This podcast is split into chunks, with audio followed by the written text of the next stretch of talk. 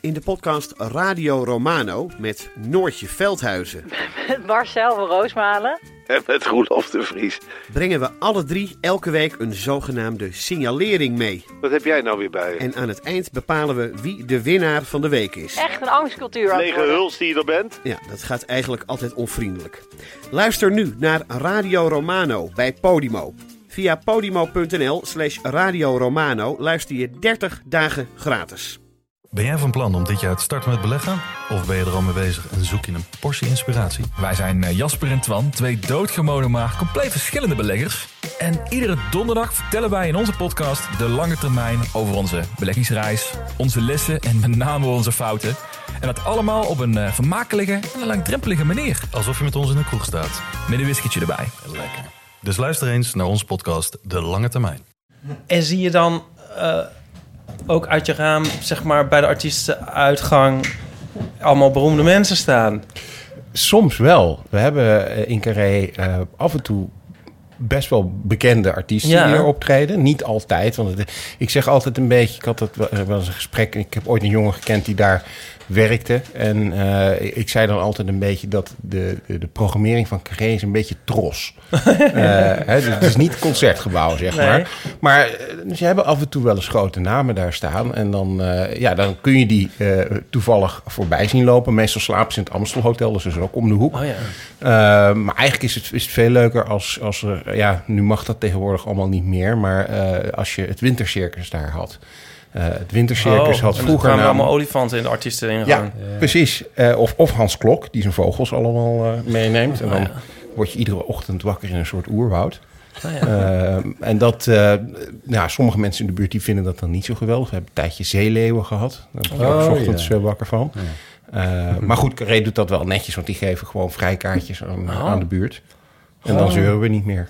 Dus, eh, Wi- Wil een advocaat eigenlijk, een strafrechtadvocaat eigenlijk wel disclosure geven over waar die zo ongeveer woont? Oh, ik, ja, ik vind het niet zo'n probleem. Ehm, eh, het zou problematisch kunnen worden of zijn. Eh, mijn kantoorgenoot Gerard, eh, die heeft daar in het verleden ook wel problemen mee Hmm. gehad. Eh, nou woont hij ook op de plek waar ons kantoor is, dus dat is moeilijk te missen voor, voor mensen. Sindsdien vertelt hij niet meer waar hij... maar daar hebben we ook wel wat maatregelen voor genomen. Dat, daar zou ik niet te veel op ingaan, maar er, er zijn wat maatregelen die genomen zijn. Maar voor bij mij thuis vind ik het niet. Ik, ik, ik, ik zal niet zo snel precies het exacte adres gaan noemen eh, Nee. op mijn social media. Maar ongeveer waar ik woon, dat weten veel mensen Ja. toch wel. Dus Ja, weet heel Amsterdam weet dat. iedereen die op Grindr zit, in ieder geval. Ja, ja. Nou, Ipe heeft er ook geen enkel probleem mee. Die heeft in deze podcast ook al een keer geroepen wat exact zijn adres is. Is dat zo? Ja, Oh. ja. Ik En ben er nog steeds flabbergasted En nog over. steeds ik- niemand aan de deur gehad. Oh. Jawel. Oh, van, Van de eh, gisternacht. Ja. Wat zou jij nou hebben gedaan, Sydney? S'nachts om... Ik heb dus nog geen gordijnen of Mhm. luxeflex. En eh, je kijkt eigenlijk zo bij mij naar binnen. We wonen op de eerste. Mhm. En eh, om half één s'nachts... Half één? Ja. Negen over half één wordt er opeens aangebeld. Ja. Wat natuurlijk heel alarmerend is. Ik vind het, al- als er om twaalf uur 's middags wordt aangebeld... vind ik het al heel alarmerend. ik schrik altijd. van bellen. Ja, Ja.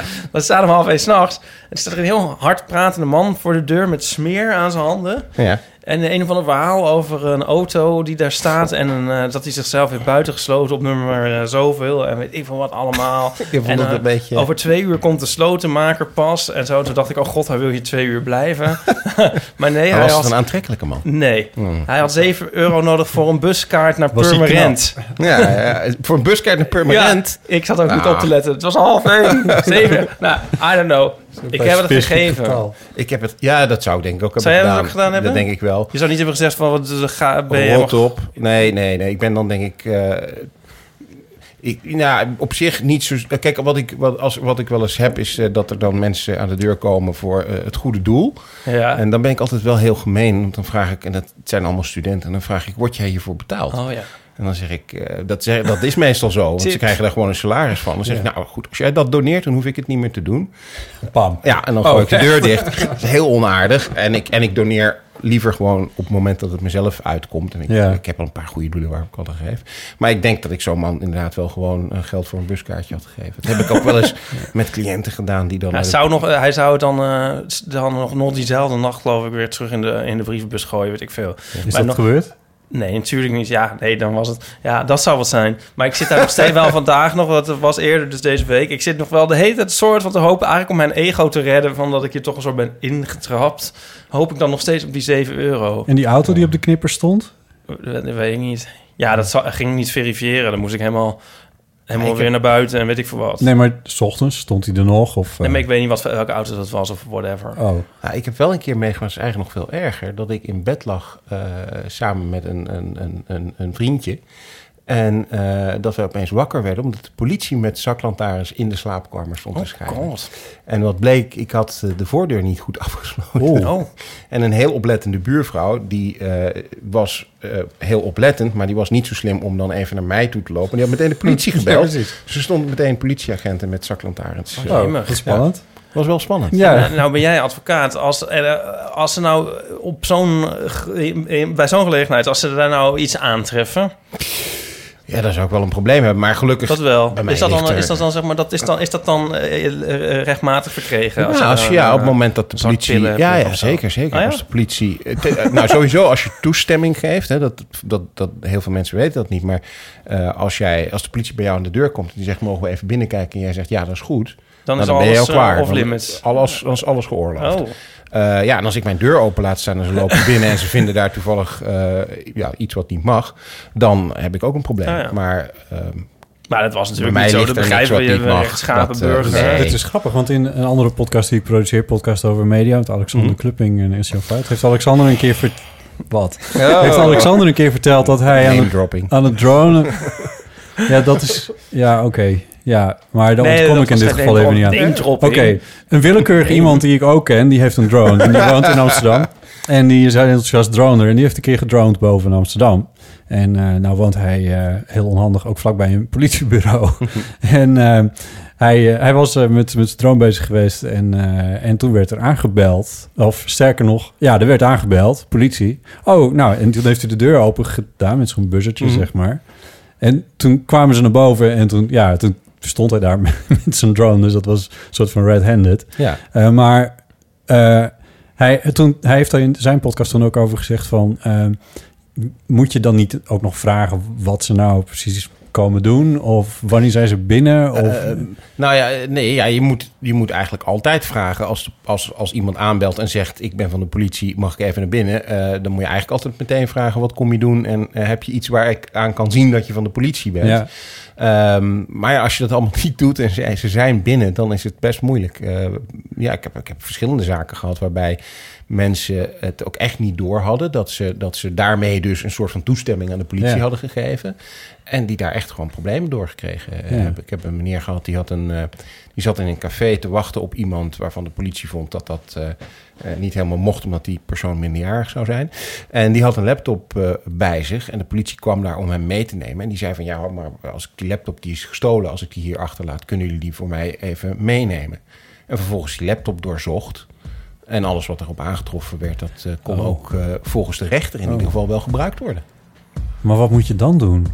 Je Eh, kan hem beter altijd, laten eh, staan. ja, dan, eh, Aan de barman Als geven. je, Aan de kijk, barman geven, ja. Precies, aan de barman geven of laten staan als je weet dat er iets op staat. Wat. Ja, dan kun je hem ook beter in de gracht. Ja. Nou nee, dat is niet goed voor het milieu. Dat is niet goed voor het milieu.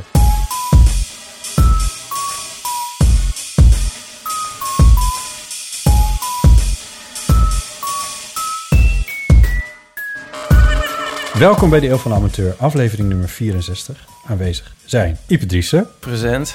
en Sydney Smeets. Yes.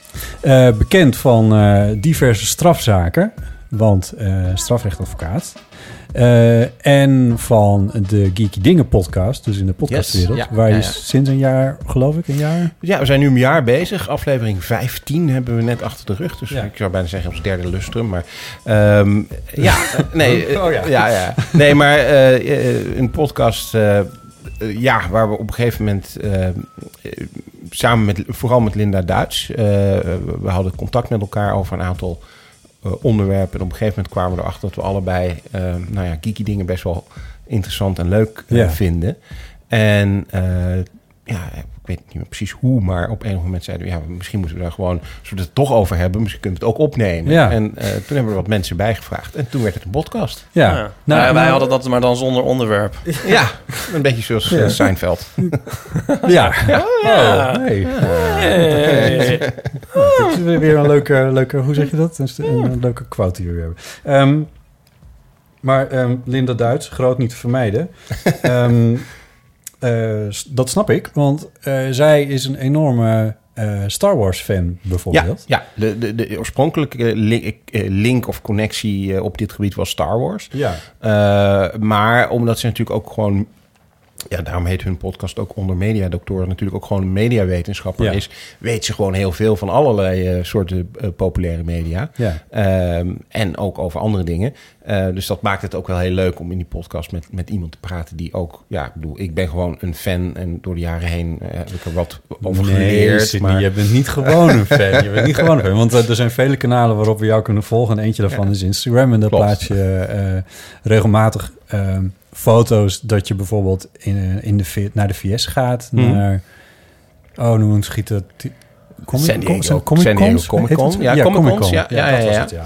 Ehm, ja, eh, wel- ja, want dat zijn dan de geeky dingen waar we het over hebben namelijk. Mhm. Een beetje de, de popcultuur en de, de, de, de, ja, die, de artefacten die daar dan weer bij horen. Waar Ja. maak je je zorgen over? Nee, nee, niks. wordt hier gespiekt.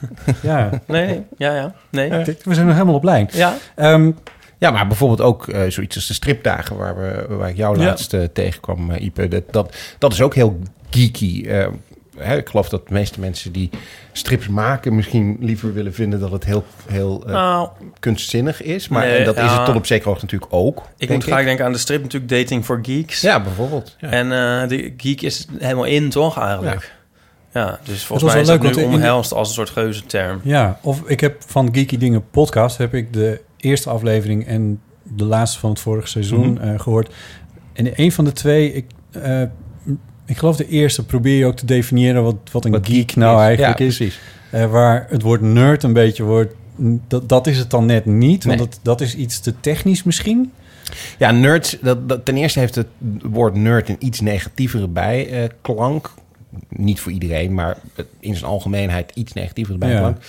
Ehm, en nerds wordt, wordt inderdaad meer geassocieerd met de, de jongens... Ja, ik heb toevallig ook een bril, maar met een bril op en zo'n eh, pennetjes in de zak en eh, een rekenmachine. Dus dat, dat is iets meer eh, die kant. En geeks, dat zijn gewoon mensen, denk ik hoor, zoals ik het zie... die, die een enorme passie voor iets hebben wat, wat wel bij de populaire cultuur Ja. hoort. Ja. Hè, want bijvoorbeeld een, een passie voor Rodin, dat is niet geeky, Nee. denk ik. Nee. Maar een passie voor Star Trek wel. Ja, ja juist. En jij bent zo'n geek. Dat, Ik ben zeker een geek. daar ja, schaam je je absoluut. absoluut niet voor. Nee, nee, nee. Dat is eh, on- on- niet te missen. Als je Hey, gaan we daar ook even induiken, of niet? Ja. Ik weet niet of bij jouw agenda is, Maar- want...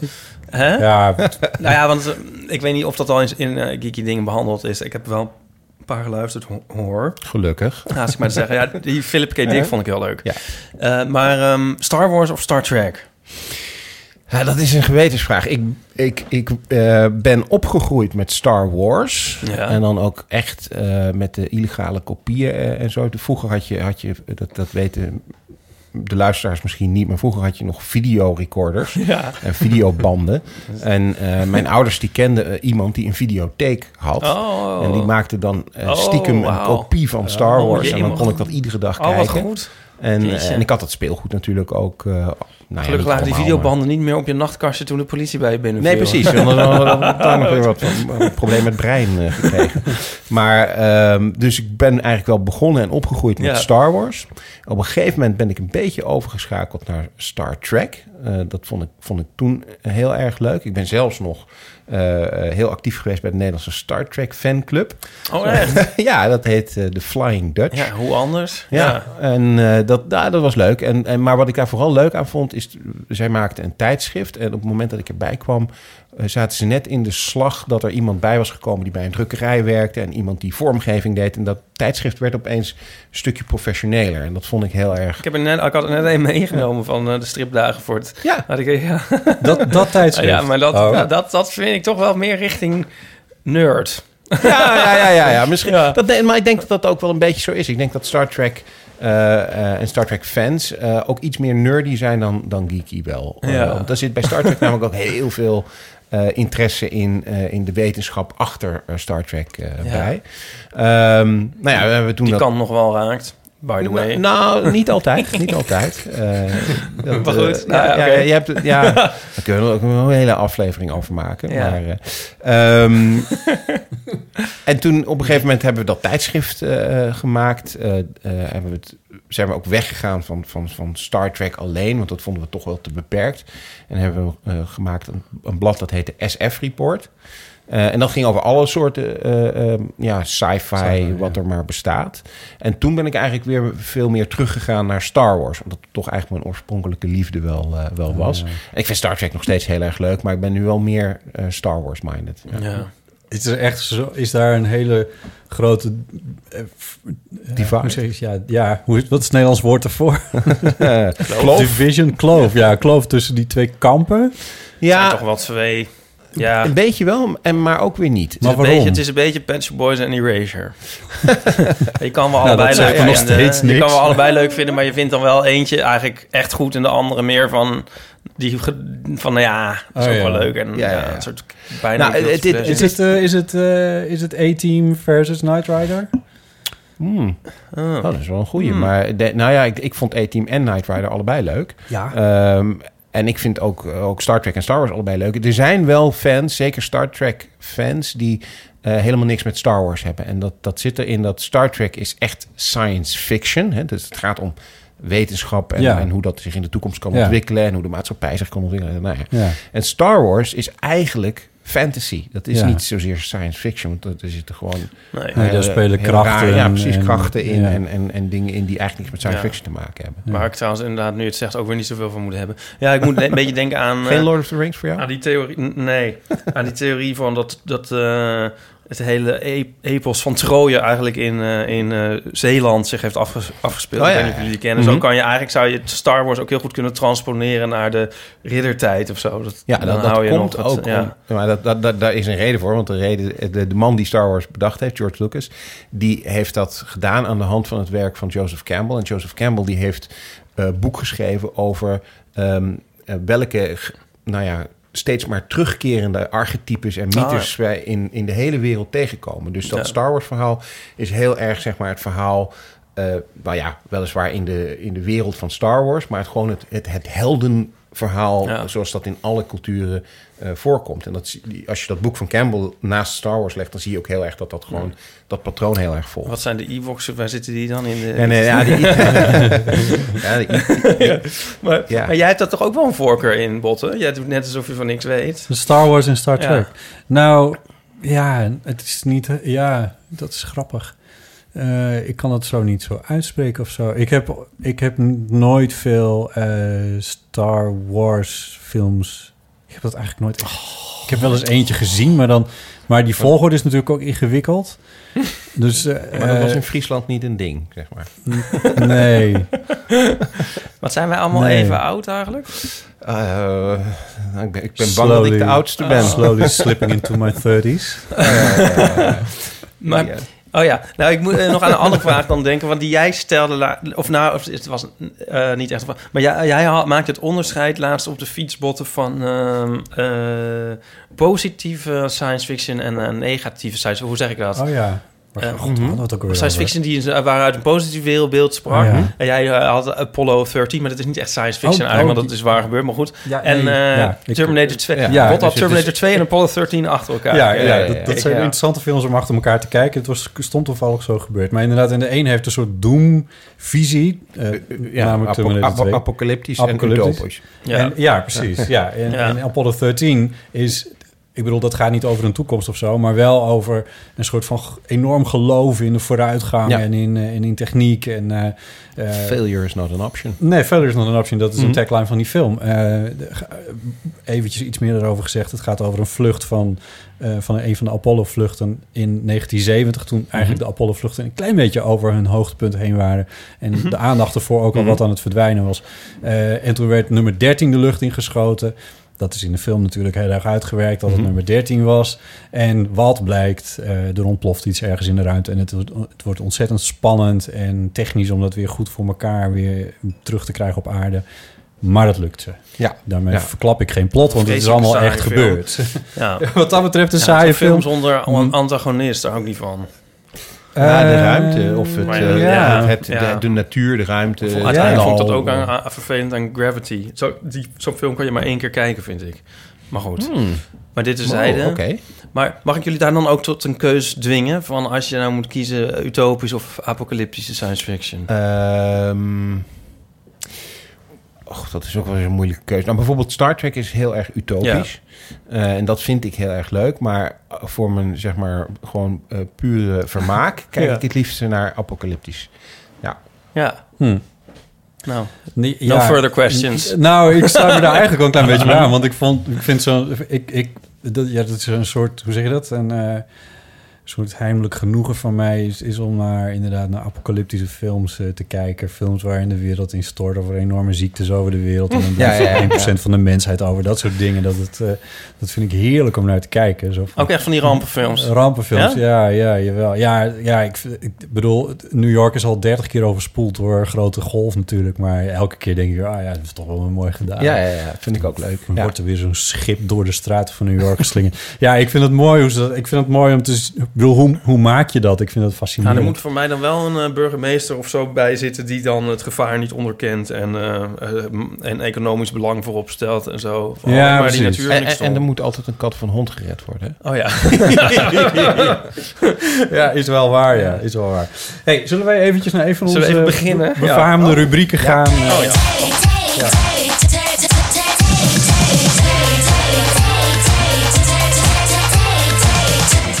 Natuurlijk onze rubriek waarin we het eh, theezakjesvraag eh, eh, op tafel werpen. Eh Sydney, ik, aan jou de eer om een, eh, een theezakje uit de selectie, te kiezen. kiezen. Nou, dan ga ik eens even kijken. Mag ik hem ook voorlezen? Je mag hem zeker voorlezen. Ja, sterker nog. nou, dat moet. ja, je mag hem ook beantwoorden. Wat staat er bij jou altijd in de koelkast? Oh, die hebben we de vorige keer toch ook gehad? Hebben jullie al gehad? Nee, hè? Hmm. Nee? Wacht even. Wat staat er bij jou altijd in de koelkast? zei Ipe Poppers, maar... Oh, nee. Moet je dat in de koelkast bewaren? Ik- Ja, kan je dit niet herinneren? Ja, Moet je heb dat in de koelkast bewaren? Nee, dat weet ik het niet Ik dacht laatst van poppers is dan zo het woord als gluten, kwam ik achter. een woord als gluten, hoezo? Nou, dat het geen meervoud is. Oh, sorry. Het is niet één popper, twee poppers. Oh. Niet één gluut. Nee. Ja, nee, oké. En hamkaas was eigenlijk ook... Want volgens mij is er niet één hamkaas, dat is ook niks. Maar goed, maar dit, maar dit terzijde. Dit terzijde. Maar po- Ja, bij mij- Ja, ja, ja, bij mij Ja, heb ik toch- Maar hebben deze vraag... Ja joh, toen zei je toch kaas? Kaas? Ja. Maar hebben we die niet in de Editie NL-podcast gehad? Oh, ja. Denk ik. Met, eh met, uh, met IJzer, IJzer. Nee, toen had je weer... Toen, toen hadden we... Oh, ik weet het niet meer. Het komt me ook heel bekend voor. Doe maar een andere. Ja, Doe maar een ja, ander, ja. theezakje. Oké. Ja. Teabagging. Je moet eh, rare homoseksuele verwijzen in deze podcast. Dat wordt interessant. Wanneer heb je voor het laatst een brief met de hand geschreven? Oh, Oh, nou, ja. dat is heel makkelijk. Eh, twee weken geleden. Mijn broer, eh, neem aan dat ik dan ook moet uitleggen waarom. Ja. Eh, mijn broer die is getrouwd vorige week vrijdag. Hey. En zijn, dankjewel. En zijn huwelijksreis was naar, of is naar Thailand. Ze zijn daar nu, onder andere in Bangkok. En ik was toevallig, of niet toevallig, vlak voor dat huwelijk in Bangkok. En we hebben met mijn ouders en mijn oma hun een, een leuk hotel eh, cadeau gedaan. Oh. Dus ik ben naar het hotel gegaan om daar met de eh, jongen die dat allemaal regelt... eh, Ja. ja. de champagne uit te zoeken en dat soort Ja. dingen. En toen heb ik een hele brief geschreven die in die hotelkamer neer is gelegd... en die ze dus gezien hebben toen ze daar aankwamen. Ah. Dus eh, dat is de laatste keer geweest. Wat leuk. Ja. Dat is wel mooi. Ah, dat is wel een hele goeie. Ja, Ja. inderdaad. Ja, ja. Ik zit nog te denken. ja, ik ook. Ik weet het eigenlijk niet eens. Ik schrijf, ik, ik schrijf nog wel veel met de hand, maar naar iemand eh, Het is schrijven. een beetje een verloren kunst aan het worden, hè? Ehm, ja, ik kan me bijvoorbeeld wel herinneren wat ik een keer gedaan heb, is een brief schrijven op de computer en hem daar afmaken en met alle editing die je daarin hebt en hem vervolgens overschrijven. Ja. Met de hand overschrijven? Ja. Oh, Oké. Dat Ja. doe ik ook nog wel eens. Dat heb ik wel eens gedaan, ja. Puur omdat ik toch een- inmiddels wel een soort angst heb ontwikkeld voor... Dat tenminste, nou ja, gewoon schrijven. Je, ja, je kan niks meer...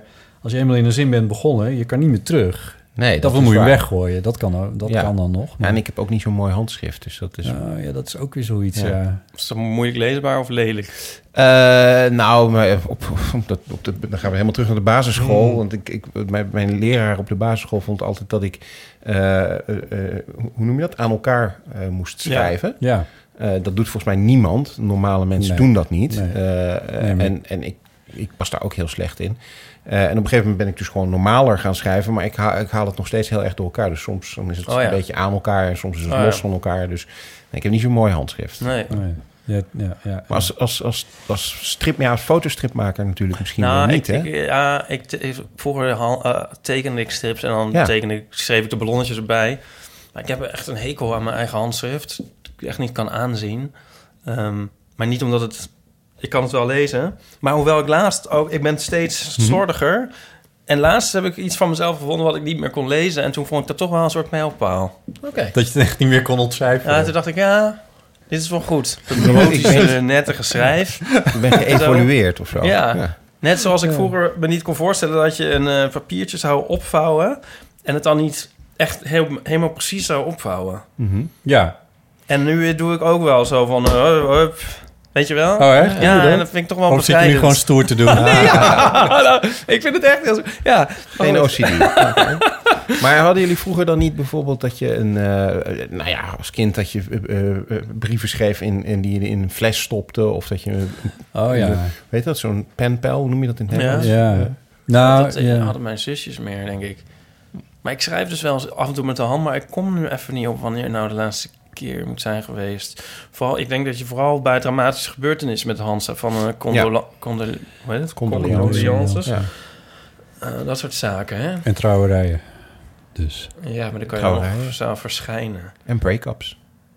Oh ja. ja, dat doe je misschien ook wel. Ah, om iemand te ondersteunen of om het per op schrift uit te maken? Nou ja, ik vind... Ik, vind- nee, eh, je kan natuurlijk nog beter... eh, Dat hoort ook gewoon dat je het persoonlijk doet. Het maar- sms. Oh, sorry. Nou ja, dat bedoel ik. Eh, de- de- de- de- dat, dat sms of WhatsApp, dat vind ik echt niet kunnen. Ik bedoel, dan vind ik een brief nog... Nou ja, is ook niet de beste manier, maar in ieder geval beter dan maar over wat voor break-ups hebben we het nu? Want iets, al, alles, Relaties. alles langer dan, eh, wat zal ik zeggen, een maand... ga je het dan niet meer schriftelijk beëindigen, of wel? Oh. Oh, dan ben ik veel te romantisch. Echt? Botte kijkt nu heel moeilijk. Ja, nee, dat doe je in gesprekken of zo. Doe ik, ik moet niet in tweede persoon zeggen. Eerste persoon. Ik doe dat dan in gesprekken. gesprekken, Nu heb ik niet zo vaak de situatie dat ik het uit moet maken. Maar Of een voice wordt dat voor me gedaan. Nou, dat is wel heel dramatisch. Dan nou, zou ik het nog liever per sms, geloof ik, krijgen... dan dat je zo'n handgeschreven epistel Ja? met een lakzegel... en zo van, nou, het is uit. Oh. Toch? Ik weet niet. Nou, hier dan ook weer een klein beetje weer de advocaat in jou... die dat dan ook wel weer fijn vindt dat het dan toch op schrift staat. Dat het, ja, dat is wel waar. Ja, precies. Ja, Ja, nee, maar ik vind, dat vind ik ook wel dingen. ehm, dat vind ik lastig aan onze, uh, ons digitale tijdperk waar we in leven. Mm. Dat, dat, dat een heleboel van de dingen die je. oh, trouwens, ook met muziek heb ik dat heel lang gehad. Het downloaden van muziek, dat is natuurlijk super makkelijk en fijn. eh, En Mhm. het geluid is nog is, is beter. Eh, maar dat idee dat je geen fysiek Ja, Hmm. hoesje of wat dan ook meer hebt. Ja. Dat vind ik heel raar, omdat je, omdat je gewend bent om iets te hebben wat je ook bij je kan houden en waar je nog een keer naar terug kan kijken van hé, hey, dat heb ik toen gekocht. En je zegt het tegen de juiste persoon, want hij Ja. heeft echt eh, ongeveer Ja. twee wanden van zijn huis vol staan met LP's en Ja. DVD's. En, Ja. En dat heb ik met schrijven dus ook een beetje met, met e-mails en, en wat, nou zeker met WhatsApp en dat soort dingen. Ja, dat, het is zo, het verdwijnt op een gegeven moment, het is gewoon weg. Terwijl als iemand een brief, nou, hè, ik, ik, ik heb nog wel een doosje ergens met oude eh, eh, liefdesbriefjes en dat Oh, soort echt? dingen erin. Dat wordt leuk. En dat vind ik dan echt wel, dat Ja. is, dat is, ja, dat, dat Ja. heb je nu gewoon niet meer. Dat- dat ik heb ook ja. hele mappen van eh, met aanzichtkaarten en dingen en, en, en dozen met brieven die ik nu allemaal in opslag heb gedaan. Maar dat houdt dan op een gegeven moment een soort op en dan heb je dingen Ja. in je e-mail. Maar ja, Ja, dat zit, dus, dat is, dat zit tussen dat zoveel. verdwijnt. eh, onzin. ja. Ja. Daar heb je niet meer echt een. Ik heb dus laatst het plan opgevat. En toen heb ik ook, je kan het hier zien, er ligt een enorme pak papier, een beetje lichtblauw papier. ik heb het plan opgevat om de dingen die ertoe doen en die digitaal in mijn computer staan, dus geschreven dingen, om die te gaan printen en eens een keertje gewoon in een map te stoppen. Echt persoonlijke Mhm. dingen, hè? want ik bedoel, Ja. de, de, de zaken over de, de hypotheek en alles, dat zit gewoon wel in een map. Maar eh, de, de persoonlijke dingen, precies de dingen waar jij zegt van die verdwijnen in, in de e-mail. En, Ja, maar ze worden ook anders geschreven, hè? Want, Jawel. Want, ik bedoel, je krijgt ook niet zo snel een lange e-mail van twee kantjes... die de moeite van het printen waard is, denk ik. Ja, Ja, dat Nou, is, ja ik denk, en dat, dat ben ik wel met, met je eens. Want, de, want e-mail, de, het is een soort e-mail-etiketten... dat het allemaal heel kort en, en, Ja. en, en in Ja. korte zinnen vaak gaat ook. Ja, Dat is grappig, want dat is ook anders geweest. ja dat is anders geweest. Ja. Ja. Maar ik, weet- dat vind ik dus ook vervelend van... ehm, ik sprak laatst nog een studievriend... en die heeft nog... Zeg maar, wij kregen toen dan in de jaren negentig ergens...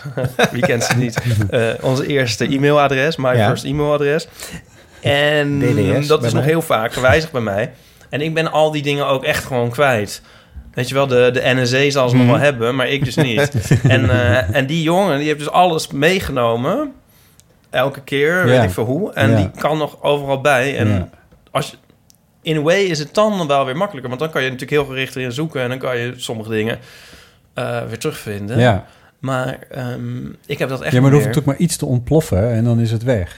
Dan is het er echt Ja, niet ja, ja, wat moet er dan ontploffen? Nou, ja, weet ik niet. Nou ja, servers eh, de- je nou, we hadden het net over die apocalyptische eh, en post-apocalyptische eh, films. Ja. Dat, is, dat is echt iets waar ik wel eens over nadenk. Als je, als je dus ehm, eh, in heel veel van die post-apocalyptische apocalyptische films, dan zie je dat ze op de een of andere manier, eh, als ze dan teruggrijpen naar de maatschappij die er ooit is Ja, ja, geweest, ja. ja, dan gaan ze naar een bibliotheek of zo en dan vinden ze boeken en dan kunnen ze Precies. ontdekken hoe het is Ja. geweest. Van heel veel van de dingen die er nu gemaakt eh, worden, die, die kun je straks, als er inderdaad een of andere apocalypse zou uitbreken, eh, dat vind je niet meer terug, want Nee. het is allemaal Nee. digitaal. Ja. Ja. Zou dat ook niet een nieuwe manier van oorlog voeren als bijvoorbeeld de Russen onze financiële gegevens weten te wissen? Dat zou toch ook zou toch wel mooi, mooi zijn, of niet?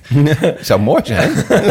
Dan ben ik dat beetje is toch van een je heel handige manier af, om eh, eigenlijk dan, dan, dan stort toch alles hierin bijvoorbeeld? Zou dat niet handig zijn? Ja, nou daar is natuurlijk ook wel sprake van. Die aanvallen die gedaan worden, die digitale hackaanvallen, die, die zijn er ook op gericht om zoveel mogelijk eh, systemen plat te gooien en Ja. data kwijt te raken en eh, noem het Ja, allemaal. vroeger kon dan met je rekenafschriften nog naar de bank van, oh kijk, zo zat het. Ja. Maar nu is het dan gewoon... eh Alles nou, kwijt. ik, ik krijg Ja. overigens nog papieren hoeft ook niet zo- rekenafschriften, maar dit is weer te zijn. Oh, werkelijk? ja, rekening, Oh, ja, afschriften, ja. Oh, ik download pdf's, maar... oh ja, nee, ik... Maar, ja. zo Ik, hecht ik ik, gebruik aan, alleen dus- mijn app. Dus, Ja. Maar ja, maar ik heb ooit een keer iemand gesproken die eh, die, eh, die, die tech deed bij een bank. mhm. En die zei, die zei, dus die echt al die systemen schrijft en zo. Mhm. En die zei, ik, ik zorg dat ik mijn bankafschriften heb. Oké. En dat vond ik zo'n, dat ik dacht van, als jij dat Dun, zegt, dun, dun. ja, Ja, maar ja, als jij als enige ze nog hebt, dan heeft het ook weinig zin. Weet je wel, als de hele financiële, alle records Hier, vergaan kijk, zijn en jij hebt Ik heb jou, 1000 ja, eh, boeien. Maar Nee, dat, eh, overigens, ik moet nou denken aan een ding, maar ik, misschien heb ik het al eens verteld in de, over het, het hebben van dingen, zeg maar, dragers. Ehm, ik ben, nou, de afgelopen verhuizing was het minder, maar ik, de- toen ik voor, van eh, Utrecht naar Amsterdam verhuisde, toen had ik uiteindelijk al mijn spullen in één vrachtwagentje. oh, God, oh, die rit kan ik me herinneren, ja. En eh, dat- ja, nee, nee, maar dat was dus eh, zes jaar geleden of zo. Toen, toen Oh, zat echt alles in één keer zo erin. En toen reden we op de snelweg en ik voelde me eigenlijk ontzettend kwetsbaar. Dat echt al mijn spullen daar in dat kleine Mhm. ding op wielen. En toen had ik een heel rare ingeving van, weet je... Rij hem lekker in de sloot eigenlijk. En begin opnieuw. En dan is alles weg. En Ja. zou ik het heel... Ik had toen echt het gevoel van... Misschien zou ik het helemaal niet zo erg vinden. Oh, Ja, iedereen- kan maar. elk persoon Ja. waar een keer een huis van is afgebrand, die kan jou een ander verhaal vertellen. Ja, maar waarschijnlijk. Ja, dat dat weet ik. Ja, maar, ik ook wel. maar ik op de, maar ik, eh, eh, nee, dus ik denk, maar ergens de, iets in mij zou dat misschien toch wel willen. Je hebt Ja, natuurlijk die- dat klopt. Het is, een, het is een trend, toch? Eh, ja, eh, nou of het een trend is, maar... de- de- Toch? het is Zit wel zo dat... expert? Nou, Nou ja. eh, Nou nee, ja, maar... ja. Doe je hem aan. Ik heb, ik heb zelf... Ik verzamel heel Hij veel, het. heel veel Ja. dingen. Dus Ja. ik heb heel Ja. veel troep in mijn Ja. eh, huis. En eh, nou ja, de reden dat ik het verzamel is omdat ik het leuk vind. Dus ik zou het zonde vinden als ik het kwijtraakte. Maar ik heb soms ook wel eens van die momenten denk ik van... Ja, weet je, als je nou inderdaad gewoon, weet ik veel... naar een of ander ver land zou verhuizen... eh, waar, eh, waar je dat allemaal niet mee kunt nemen. Ja. Eh, Hoe erg zou dat nou eigenlijk zijn? Ja. Nee, Ja. dat zou natuurlijk niet erg zijn. Maar wat ik Ja, maar het is zelfs ik- ook misschien wel een soort last. Ja, het is denk ik wel. Nou, dat Ja. vind ik wel niet zozeer met mijn spullen, maar met mijn huis bijvoorbeeld. Eh, je hebt een huis Ja. en ehm, als je, dat- betekent dus dat je gewoon je hypotheek moet blijven betalen. Ja. Dat je dus ook moet blijven werken, dat je een bepaald inkomen. Dus het is, het een soort, nou, het is een gouden kooitje eigenlijk. Ja. Ja, maar je huis, Ja. Nou ja, ja, maar vooral die spullen. Nou ja, omdat ook eh, in die film eh, hadden we het daar nou laatst al over met eh The People versus George Lucas. Mhm. Een heel erg leuke aanrader, cultuurtip, mensen. Dan is er volgens mij een vrouw die alle Star Wars poppetjes wil hebben. En Ja. die dan heel erg kwaad is op George Lucas, omdat er zoveel worden uitgebracht dat zij daar helemaal aan kapot gaat. Mhm, ik herken dat. Dat is natuurlijk dus, dus je hebt dus op de schaal heb je zeg maar van rijden vrachtwagen maar de sloot in, dan ben ik overal vanaf. En die vrouw die ze allemaal moet blijven hebben. En er zit een soort van een enorme last in het Klopt. verzamelen van. Er is, een, eh, er is een hele bekende verzamelaar, die maakt op YouTube eh, filmpjes. Die eh, heeft een, een, een, een, een filmpje gemaakt over hoe hij ver- veranderd is in het verzamelen. Hij was dus eerst ook zo. Hè. Hij zei, ja, ik moet gewoon van dit wat ik verzamel alles hebben. En dan, dan word je heel gefrustreerd, want zeker met Star Wars... er worden allerlei exclusieve dingen Ja. uitgegeven... die je gewoon helemaal niet kunt Ja. krijgen... als je niet toevallig op die conventie of wat dan ook bent. En hij eh, vertelt dus in dat filmpje heel, heel gepassioneerd eigenlijk... dat hij dat op een gegeven moment helemaal los heeft gelaten... en gezegd heeft, weet je, ik ga alleen maar verzamelen wat ik echt leuk vind. Ja. Het hoeft niet alles te zijn, het hoeft niet compleet te zijn. Ja, Ja. Ja, ja, Nico was laatst helemaal kwaad omdat de Sparks een eh, exclusief singeltje uitbrachten in Amerika. En dat je dan alleen maar daar in de winkel kon kopen. En eh, hij is dus dan ook niet dat een soort. de- zijn meteen zijn eerste reactie is een soort woede. Ja. In plaats van een soort vreugde van hé, hey, er komt een nieuw Ja, liedje van. Sparks. En op een of andere manier zal het ooit wel tot me komen. Of zo. Of kan het misschien wel horen online. Maar een soort. wat? eh, ik kan het niet ja. Oh, ja, ja. En eh, ja, we zijn het toch een beetje. Nou goed. Ja, Ik zou wel van de luisteraar willen weten wat zij nou verzamelen. ja. Zal ik nog één klein verhaaltje vertellen van iets wat ik dan wel be- verzamel heb? Dat doe ik eigenlijk niet zo, maar bewaren soms wel. Ja.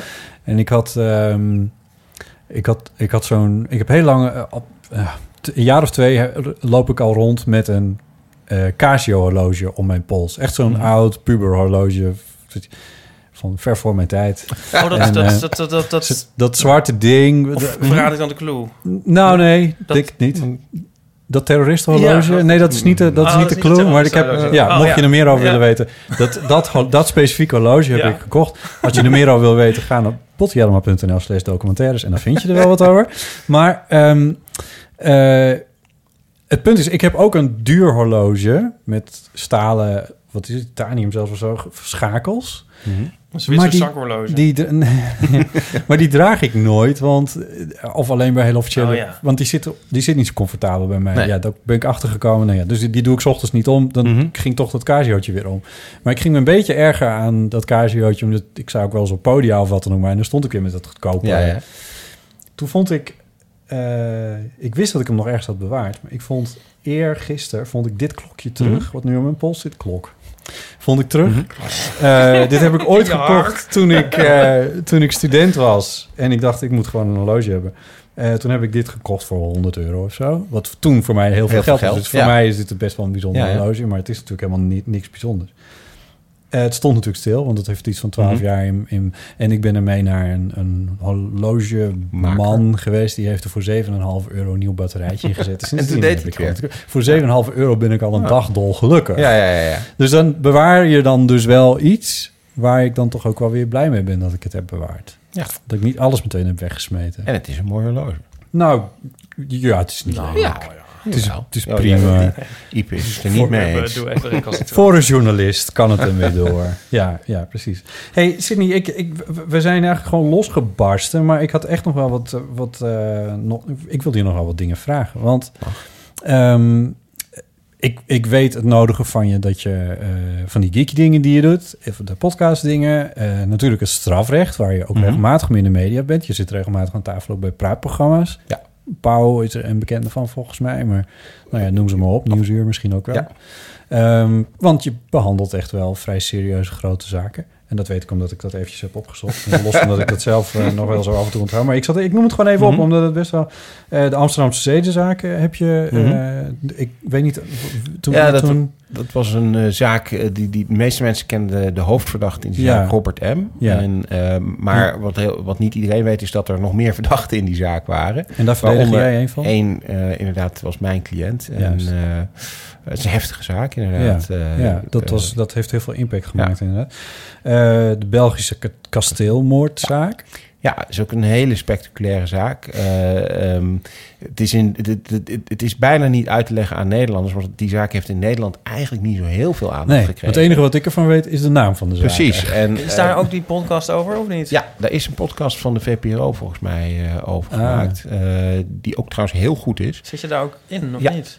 Ja, maar niet, eh, niet, als, niet zoals wij nu hier zitten, maar echt als een interview met mij als Ja, ja, advocaat dan. ja. Hè? Precies, ja. Eh, nee, dat, is, wel- dat is wel een hele goede Ik heb podcast. er laatst een stukje van geluisterd, maar dan moet je heel erg opletten. ja, Omdat het, ja het, kan vertellen niet, echt, eh, het is echt een documentaire Ja. eigenlijk. Ja. Eh, maar het is heel, heel apart, want die zaak in Nederland nogmaals is niet zoveel aandacht mee. Ja, ik heb er mee een keer bij Pauw gezeten, dat is heel leuk. Maar Ja. de meeste mensen zegt het niks. Maar in België is dat echt de zaak van de eeuw. Er is enorm veel media-aandacht Was dat nou voor, die brand? eh, nee, het is geen brand. Het gaat Nee. erom dat er een, ehm, een man is... die samen met zijn vrouw en twee kinderen in een kasteel woonde. Ja. Ehm, en die is op een gegeven moment om het leven gebracht. En Oh ja. eh, in dat kasteel, in de hal, in de inkomhal, zoals ze dat in België noemen, is die eh, gevonden. Eh of is die, is, die, is die gedood. En hij is later eh, verplaatst en is gevonden in een put die gegraven was in de, naast een chalet. Eh, Oh eh, ja, het is echt Belgisch. Was het de butler?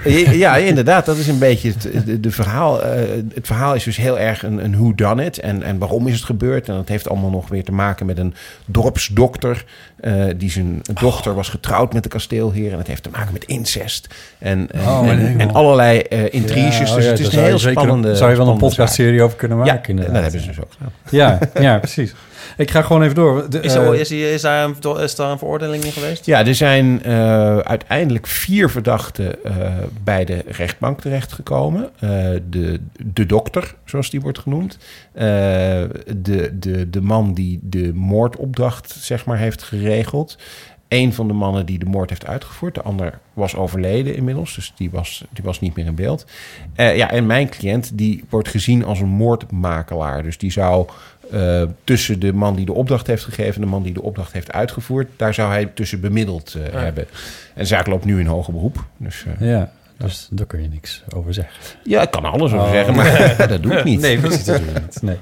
Eh, coffeeshophouders, Ja, waaronder in Thailand gedetineerde, de in Thailand gedetineerde Johan van Laarhoven. Ja. Is dat misschien waarom je in Bangkok was? Daar was ik inderdaad voor in Bangkok eh, twee weken geleden. Eh, ja, we zijn op een gegeven moment eh coffeeshops gaan, gaan bijstaan. Dat deden we op zich al, maar op enig moment is ja, daar... want dat hebben we nog niet gezegd, maar je werkt bij Sprongadvocaat. Ja, of tenminste, dat ja, heb je wel gezegd werk, werk bij. Sprongadvocaten Ja. en eh, wij doen strafrecht. Dat is eigenlijk het enige wat wij eh, doen. En op een gegeven moment is er een periode gekomen in 2011, 2012... dat coffeeshops steeds meer in de problemen kwamen met de voorraad. Oh ja. Hè, dat is het hele hypocriete idee... Ja, wat je ook achterdeur. aan niemand uitgelegd Nee. krijgt... die niet in Nederland eh, woont. Dat je in een coffeeshop mag je, koff, mag je softdrugs verkopen...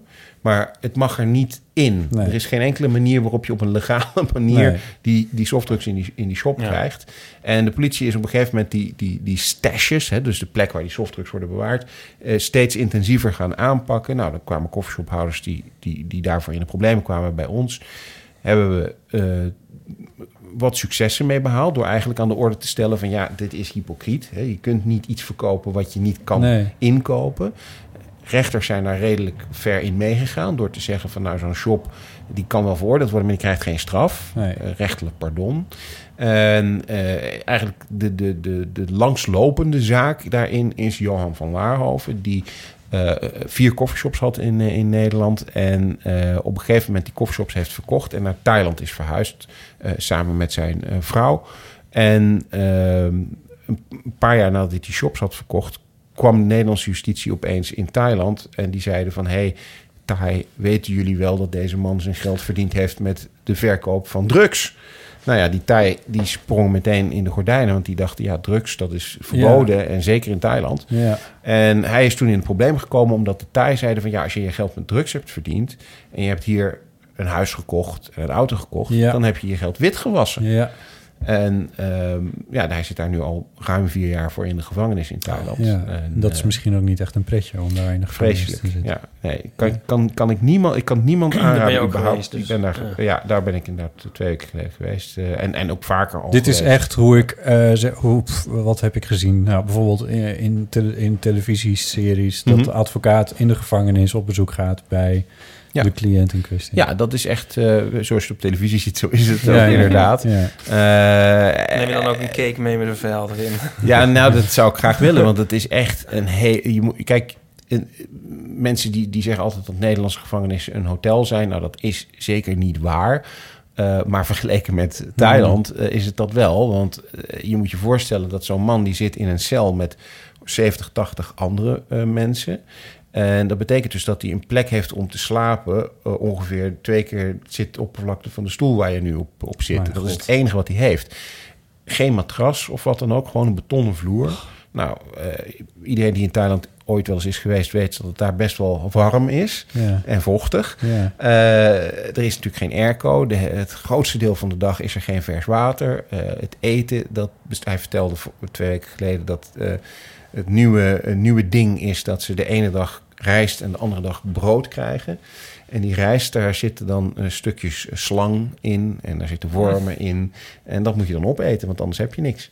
Dus dat is echt wel Oh. heel extreem, zoals Ja, het daar gaat. Wat afschuwelijk. Ja, dat, dat, is, dat is behoorlijk afschuwelijk. En is Ja. dit een kwestie van eh, eh, dat die man wordt uitgeleverd aan Nederland? Of, eh, Nou, daar zijn we al heel lang mee bezig. Maar dat- daar gaat het om. ja, daar gaat het om. Ehm, kijk, de Nederlanders die zijn daar toen geweest en die hebben gezegd van... kijk, jullie Thai mogen hem wel vervolgen voor witwassen... en dan doen wij alle andere dingen waarvan wij in Nederland denken dat het fout zit. Namelijk die voorraad van die koffieshop. hmm, Nou ja, waarvan wij altijd al gezegd hebben... Ja, ja. van dat is een beetje zinloos, want je weet dat hij daar geen straf voor gaat krijgen. nee. Ehm, en ja, nu hebben we de laatste keer dat we daar zijn geweest eh, vrij uitdrukkelijk gezegd van ja, nu wordt het wel tijd dat dat stuk wat Nederland gaat doen, dat dat ook echt gaat gebeuren. Want Ja. hij zit daar nu al ruim vier jaar. Ja, ja. Maar er is Hoe er... is hij er dan aan toe? Want dan ben dat is Slecht. uit te houden. Ja, ik vind, ik, ik vind het iedere keer als ik hem zie, en eh, eh, dat is maar sporadisch natuurlijk, want ik kan niet iedere week naar Thailand eh, Ja. gaan, vind ik het wonderbaarlijk dat hij dat, hij dat volhoudt. Hmm. Ik, ik denk niet dat ik dat zou Nee. kunnen, zoals, dat, Hmm. zoals hij dat doet. Nee. Jezus, een Ja. horrorverhaal, joh. Ja. En, en, en is er zicht op dat dit, dat dit tot een besluit komt? Ja, het, het, lijkt erop dat er wel wat schot in eh, zit. Ja, Ja. Ik kan daar niet zo heel veel over zeggen. Nee. Maar het, het lijkt erop dat we nu eh, wel op een moment zijn gekomen... dat er linksom of rechtsom, er zijn verschillende manieren waarop dat zou kunnen... eh, iets zou moeten gaan gebeuren. Ja. Dus laten we het hopen. Ja, ja. Ja. Nou ja, en op, op, op dat lijstje wat ik hier nog voor me heb... staat verder ook nog eh, het eh, anti-LHBTI-geweld... waar jij ook regelmatig mee in de media bent. Ja. Een van de Daar, hadden we die vraag ook over de vorige keer. Twee Eh, keer geleden. Even denken. Eh, van, eh, of, of dat bedoel... Ik dacht dat je dat in de krant... Maar daar kom je misschien nog op. Ja, dat, ja, hoe dat in de krant- ja, daar komen we nog Ah, op. ja, daar komen we zo nog op. Ja. Ehm, de bekendste is daarvan misschien wel de zaak van eh, vorig jaar april, toen die twee jongens uit Arnhem Ja. eh, op die brug, De eh, Nelson Mandela-brug. die in Nelson Arnhem. Mandela brug in Arnhem, eh, met een betonscha- betonschaar eh, geslagen zijn. Ja. Eh, en jij verdedigde de twee jongens in kwestie. Ehm, ja, we noemen dat niet verdedigen. Verdedigen doe je als het een verdachte is. Nee, in dit natuurlijk, geval ja. staan we ze bij. Maar goed, we, we helpen ze. We proberen ja. ze eh, van juridisch advies te voorzien. Natuurlijk, ja. En eh, wat ik al zei, wij zijn een strafrechtkantoor. Dus dat betekent dat wij eigenlijk alleen maar verdachten bijstaan. Dus mensen die iets gedaan hebben dat niet mag. Of in ieder geval waarvan justitie vindt dat ze Ja. iets gedaan hebben Nou, dat dat, waren niet zij mag. niet. Ehm, maar in dit geval heb, heb ik toen, eh, ook in over, eh, gesprek natuurlijk met Gerard, eh, gezegd van nou, dit is wel iets wat ons als kantoor ook best aangaat. Hè. Ik bedoel, ik ben gay, Gerard is dat. We hebben nog een paar mensen op kantoor die dat ook zijn. Dus dat raakt ons ook Mhm. persoonlijk wel. En we hebben toen gezegd van nou ja, weet je, deze mensen moeten, moeten wel gewoon hulp krijgen en goed bijgestaan worden. En nou ja, dan klop ik mezelf maar op de borst dat ik denk dat ik dat enigszins kan. Ja. Eh, en dat zijn we dus in Arnhem onder andere gaan doen. En, eh, ja, Wie heeft in dat geval dan het initiatief genomen? Kwam het vanuit de jongens? Of eh, heb je eigenlijk zelf... het COC. Eh, Ik Oh. had al veel contact met het COC, omdat, ja, er, is- laat ik het zo zeggen, er zijn heel veel organisaties die eh, iets doen eh, waar ik iets mee heb, die mij af en toe bellen of mailen, eh, waar ik gewoon, nou ja, kosteloos advies aan geef, Juist. omdat ik dat vind, ja, Ja. ik, ik kan dat doen, dus dan waarom zou ik het niet doen? En dat een daarvan is het COC. Af en toe, als ze iets hebben, dan bellen ze wel eens of dan mailen ze wel eens. En toen dit incident zich voordeed, hebben zij zich daar natuurlijk onmiddellijk ook mee bemoeid. En hebben zij gezegd van nou, eh, misschien kan je wel bij die advocaat terecht. Juist. En zo is dat contact Ja. ook ontstaan. Ja. Ja. ja. Ronnie en Jasper. Ronnie en Jasper, ja. ja. Ehm, waarvan ehm, de uitspraak daarover volgens mij nu een half jaar geleden is gedaan. Eh, toen zijn de verdachten in kwestie veroordeeld tot ehm, werkstraf. Een, Ja. een aantal uren dat me even is ontschoten, maar iets in de orde van grootte van 80 of misschien Mhm. 180, maar in die Ja. sferen. Zeg maar niet vier jaar in een Thaise gevangenis. Nou, Nee, nee, ja, nee. en dat had dan weer te maken met iets waar jij je ook nog wel weer boos over hebt gemaakt. Want eh, namelijk dat het niet een veroordeling werd eh, voor iets wat wel speciaal in de wet be- benoemd wordt. Mhm. Namelijk dat het eh, specifiek gericht was en anti-homo geweld was, Ja. zo gezegd. Ja, dus, wat, wat vaak speelt bij deze zaken zijn dat het, is dat het jonge jongens zijn die dit doen. Ja. Ik weet niet waar dat precies aan ligt, maar het zijn meestal jonge jongens. En eh, dus ook vaak minderjarige jongens. En minderjarige jongens, eh, of en ook meisjes trouwens, die krijgen in Nederland, eh, die worden berecht via het jeugdstrafrecht. En in het jeugdstrafrecht zijn de straffen anders dan in het volwassen strafrecht. Nou, dat is iets wat begrijpelijk is. Dat is ook iets wat we vanaf het eerste moment met Ronnie en Jasper hebben besproken. Daar zaten ze ook niet zo heel erg mee, want zij, zij wisten van nou, dit gaat nooit een gevangenisstraf worden. Dit gaat een werkstraf worden Juist. nou ja, dus dat, daar waren ze op voorbereid.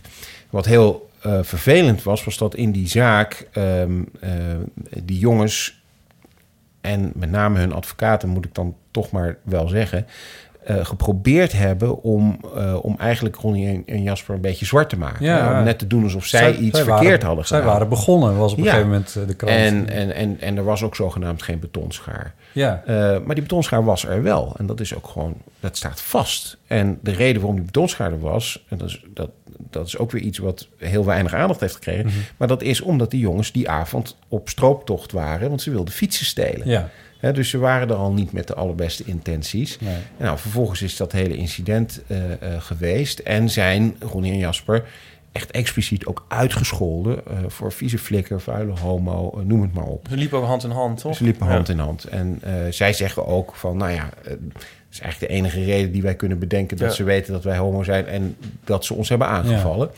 En wat nou zo moeilijk is, en dat zie je bij deze zaak, maar je ziet het bijna bij al die anti-LHBT-zaken, is dat we- zowel officieren van justitie als rechters het heel een hele hoge drempel lijken te vinden om te zeggen van ja, dit is anti-homo geweld. En ik, ik, ik maak dan altijd de vergelijking, en dan worden officieren altijd heel, van justitie altijd heel boos, want die vinden dat je die vergelijking niet mag maken. Maar Ja. als je een Joodse man met een keppeltje of pijpenkrullen, weet ik veel, die herkenbaar Joods is, Ja. op straat een klap in zijn gezicht geeft en je zegt kankerjood, dan denk ik dat er niemand in Nederland ook maar een seconde zou twijfelen dat dat antisemitisch is. Mhm. Terwijl op het moment dat eh, ik Ipe in zijn gezicht sla en zeg vuile flikker, dan is er meteen een discussie van ja, maar is dat wel, is dat wel homofoob? En met name ook het woord homo, hè, want dat, dat, daarvan wordt dan altijd gezegd, ja, iedereen scheldt met homo. Terwijl ik dan altijd zeg, ja, maar als de persoon ook daadwerkelijk een LHBT-plusser is, en je gaat dan met die termen schelden, ja, dan vind ik dat homofoob. En dan vind ik dat je daar ook als rechtspraak een signaal van af moet geven. Maar wat is dan, hoe zeg je dat? Maar wat is dan wel de, het, het criterium waarop, wat, daarom twijfel ik, maar wat Hm. zou er moeten gebeuren? eh, Wat zou er moeten gebeuren? om, om het wel tot, tot homofoob, door een rechter tot homofoob... Is dat überhaupt wel gebeurd? Het komt wel eens voor. We hebben het gehad bijvoorbeeld hier, en dat is ook een zaak waar ik de, de, de slachtoffers in bijsta. In Amsterdam op de Dam eh, zijn twee jongens, eh, of eigenlijk op het Damrak, die zijn eh, mishandeld en, en ook tanden uit hun... Eigenlijk heel vergelijkbaar Ja, met wat er ja. in Arnhem is gebeurd.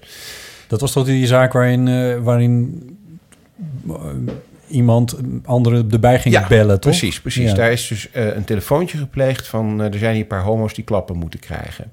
Nou, dat was stap 1. vervolgens is er ook gescholden met die termen. En die jongens hebben achteraf nog een filmpje opgenomen van... joh, we hebben een paar homo's ge gekrast. Oh, echt? Ja. Ge, gewat? Gekrast, ja. ik- Dat is Oh, kennelijk dat- een straatterm. Ik was mij, was mij ook Nee, onbekend ben tot ik ik het niet zag. genoeg voor, nee. Maar, ehm, en dat was een zaak waarvan de rechtbank wel gezegd heeft van... ja, dit is homofoob. Eigen- eigenlijk een zaak waarvan je denkt van... ja, als je daar nog niet vindt... Dus op het moment dat je jezelf filmt Ja, en je zegt... zegt, ja, precies. Dus, Oké. dus, en, en, en waar we dus naartoe moeten is dat het eigenlijk niet nodig moet zijn dat je zo ongelooflijk evident Ja. eh, eh, Ja. bewijs hebt, maar dat het ook gewoon. Eigenlijk zou je er naartoe moeten, vind ik, dat op het moment nogmaals dat het een LHBT-plusser is. En hij wordt voor, vanwege zijn geaardheid, of in ieder geval met termen die daarmee te maken hebben, uitgescholden. Dan moet je gewoon aannemen Ja. dat het homofoob is. Ja. En dan zou ik bijna zeggen, keer de bewijslast een beetje om. Dat doen we soms in het strafrecht. En het uitgangspunt is natuurlijk dat je onschuldig bent tot het tegendeel is bewezen. Maar soms zijn er gevallen waarbij er zoveel aan de hand is... dat je eigenlijk toch wel een beetje zelf moet gaan aantonen dat het anders zit. Dat Ja. je niet iets fout hebt gedaan. Ja. En dat vind ik, dat zou hier ook moeten gebeuren. Op het moment dat, dat je iemand met die termen uitscheldt die het ook is... Nou, dan mag jij gaan uitleggen waarom dat niet homofoob is. Ja. Dat, zo zou het moeten, wat mij En wordt dan niet gezegd als een omkering van de bewijslast? Ja, dat is een dat is omkering niet eens van echt een omkering als inderdaad die termen Ja. gebruikt worden. Ja, precies. En, ja, het- ze lopen hand in hand. Ja, dan lijkt me... Ja. Wat zou daar omkering aan zijn? Ja. Maar is dat... Het lijkt me heel moeilijk te verkroppen voor hun. Eh, ja en nee, want het, de, de uitspraak was heel dubbel, omdat de rechter wel heeft erkend, en dat, en dat hebben we ook wel weer vaker in andere zaken gezien. Eh, de rechter heeft wel erkend dat die betonschaarder was. Dat was namelijk ook voor hun heel belangrijk. Want Ja. er werd in sommige, dat is ook een ding wat je ziet, is dat sommige media Ja, opeens het meteen heel van, eh, oh ja, fantastisch vinden dat er iets eh, Ja. gevonden kan worden, waardoor je kunt zeggen, ja nee, maar het zat toch anders in elkaar. Nee, die, die betonschaar was er, dus dat vonden ze heel belangrijk. En de rechter heeft ook gewoon erkend en bewezen verklaard Ja. dat die woorden wel degelijk zijn gebruikt. Alleen was het niet homofoob. Ja, hoe je die gedachte Ja. kon, kon maakt, dan moet je denk ik hetero voor zijn. Maar eh, ja, dat is, eh, dat, is zo, Oh. dat, was voor, voor Ronnie en Jasper wel een soort bevestiging waarvan ze zeiden van nou oké, eh, ondanks dat het dan niet wordt gezien als homofoob Ja. geweld, zijn alle elementen die voor ons belangrijk waren, zijn bewezen verklaard. Ja, dus, dus niemand kan meer zeggen dat het niet zo gegaan is zoals wij gezegd hebben dat Ja, het is gegaan. Ja. Dat hele kleine zinnetje, daar moet je denk ik hetero voor zijn. Daar leid ik uit af dat je ook wel voorstander bent van een wat meer ehm, eh, diverser bestand aan rechters in Nederland. Ja, zeker. Eh, nou moet ik zeggen dat het op zich wel eh, qua... qua eh, Maar ze hebben een toch met de, de blinddoek en, en die balans. Ja, hand. ja ik heb, we hebben daar laatst, nou ja, dat, daar zul je wel doelen. Er is laatst natuurlijk een hele discussie over geweest, omdat ook voorgesteld werd van moet je, moet je rechters niet wat diverser maken, ook qua, qua kleur, zeg maar. Ja, Ehm, want op zich moet ik wel toegeven dat, dat ze- zeker als het gaat om geaardheid, dat is best wel goed geregeld. In, of geregeld, dat heeft zichzelf denk ik eigenlijk geregeld. Er zijn die geregeld klinkt alsof er homo's op Nee, nee, nee. homozaken Dat, worden ja, gezet. daarom. Nee, dat, nee dat, dat gebeurt zeker niet. En dat moet je ook niet doen. Je moet niet bewust, zeg maar, eh, alleen maar... En dat, daar lijkt het soms wel op, maar je moet, je moet niet bewust, zeg maar, alleen maar vrouwen op een verkrachtingszaak gaan zetten. Dat is niet goed. Het moet gewoon eigenlijk een vrij willekeurige keuze zijn. Alleen eh, de mensen waaruit je kunt kiezen met die willekeurige keuze, daar moet wel een diversiteit in zitten. Want anders Ja. krijg je alsnog altijd hetzelfde soort mensen die alle zaken gaan eh, beoordelen. De politie is hier een paar jaar geleden, dit weet ik omdat ik hier ook een keer verhaal over heb gemaakt, maar de politie is hier wel heel serieus mee aan de slag gegaan. Roze in Blauw Ja. is daar Ja. een uiting van die wij dan toevallig heel goed kennen, maar de politie heeft ook een heel bestand en een interne organisatie van bijvoorbeeld Marokkaan, me- politiemensen met een Marokkaanse achtergrond. eh. Nou ja, bij de politie, dat zit natuurlijk in, in, in iets andere ja, fase van zo'n, van, zo'n, van zo'n proces. Ja. En daar is denk ik ook heel goed dat als het moment dat je als slachtoffer of zelfs ook als verdachte eh, te maken krijgt met iemand die jou een klein beetje begrijpt. Ja. Eh, hè, dus als jij, eh, en dat wil niet zeggen dat ik vind dat je er alle begrip voor moet hebben als er iets vanuit een culturele achtergrond gebeurt, maar het is op zich misschien niet slecht dat je als politieagent een heel klein beetje Ja. kunt begrijpen Ja. hoe iets in elkaar zit. Ja. Eh, als rechter hoeft dat niet zo ver te gaan. Want ik vind, ik vind absoluut niet dat je eh, moslims door moslimrechters moet laten beha- eh, Hmm. behandelen of wat dan ook. Eh, alleen vind ik wel dat, dat het. Ik, ik, laat ik zo zeggen, ik heb er een, een, een, een, een onaangenaam gevoel bij dat in Nederland op dit moment, en, en, en iedere advocaat in Nederland moet dat beamen, want het is zo. Ja, Dus dan is het niet jouw gevoel, maar nee, het is, niet, zo. Oké, het, is, ja. het is echt zo dat, dat, dat, dat we, nou ja, voor, ik denk toch wel 95% misschien wel meer, eh, gewoon te maken hebben met witte rechters. Eh, mannen en vrouwen, dat is vrij divers. Wat ik ook zeg, qua seksuele geaardheid valt het ook nog wel mee. Maar ze zijn wel echt bijna allemaal wit. Ja. En ehm, dat heeft denk ik nog geen echte invloed op de uitspraak die ze doen. Hè, in die zin eh, is dat niet het grote probleem. Maar ik vind dat je, eh, dat je wel naar een, een geloofwaardigheidsprobleem toe kan gaan... op het moment dat je eh, hè, een samenleving hebt die, die qua kleur en, en achtergrond divers is. Ja. En vervolgens de mensen die daar het oordeel over moeten geven... ja. Eigenlijk een soort witte eenheidsworst eh, is. Dat, dat vind ik niet goed. Nee, maar nu zei je net wel, toen we het over Ronnie en Jasper en de Mhm. afspraak in hun zaak, toen zei je van ja, daar moet je heteroman voor zijn om dat niet helemaal te snappen. Was de uitspraak anders geweest als er een homo als rechter had gezeten? Dat zou heel goed kunnen, ja. ja. En dat het vind ik, kan dus dat wel. nogal wat. Ja, ja, maar het is ook heel moeilijk om dat exact te zeggen. Want je weet eigenlijk nooit hoe een uitspraak anders zou zijn geweest... als er andere rechters op zouden hebben Ja. gezeten. Want overigens is de straf dan ook zwaarder, toch? Als dat meegenomen wordt. Ja, dan kun je de straf met 50% eh, Ja. verhogen.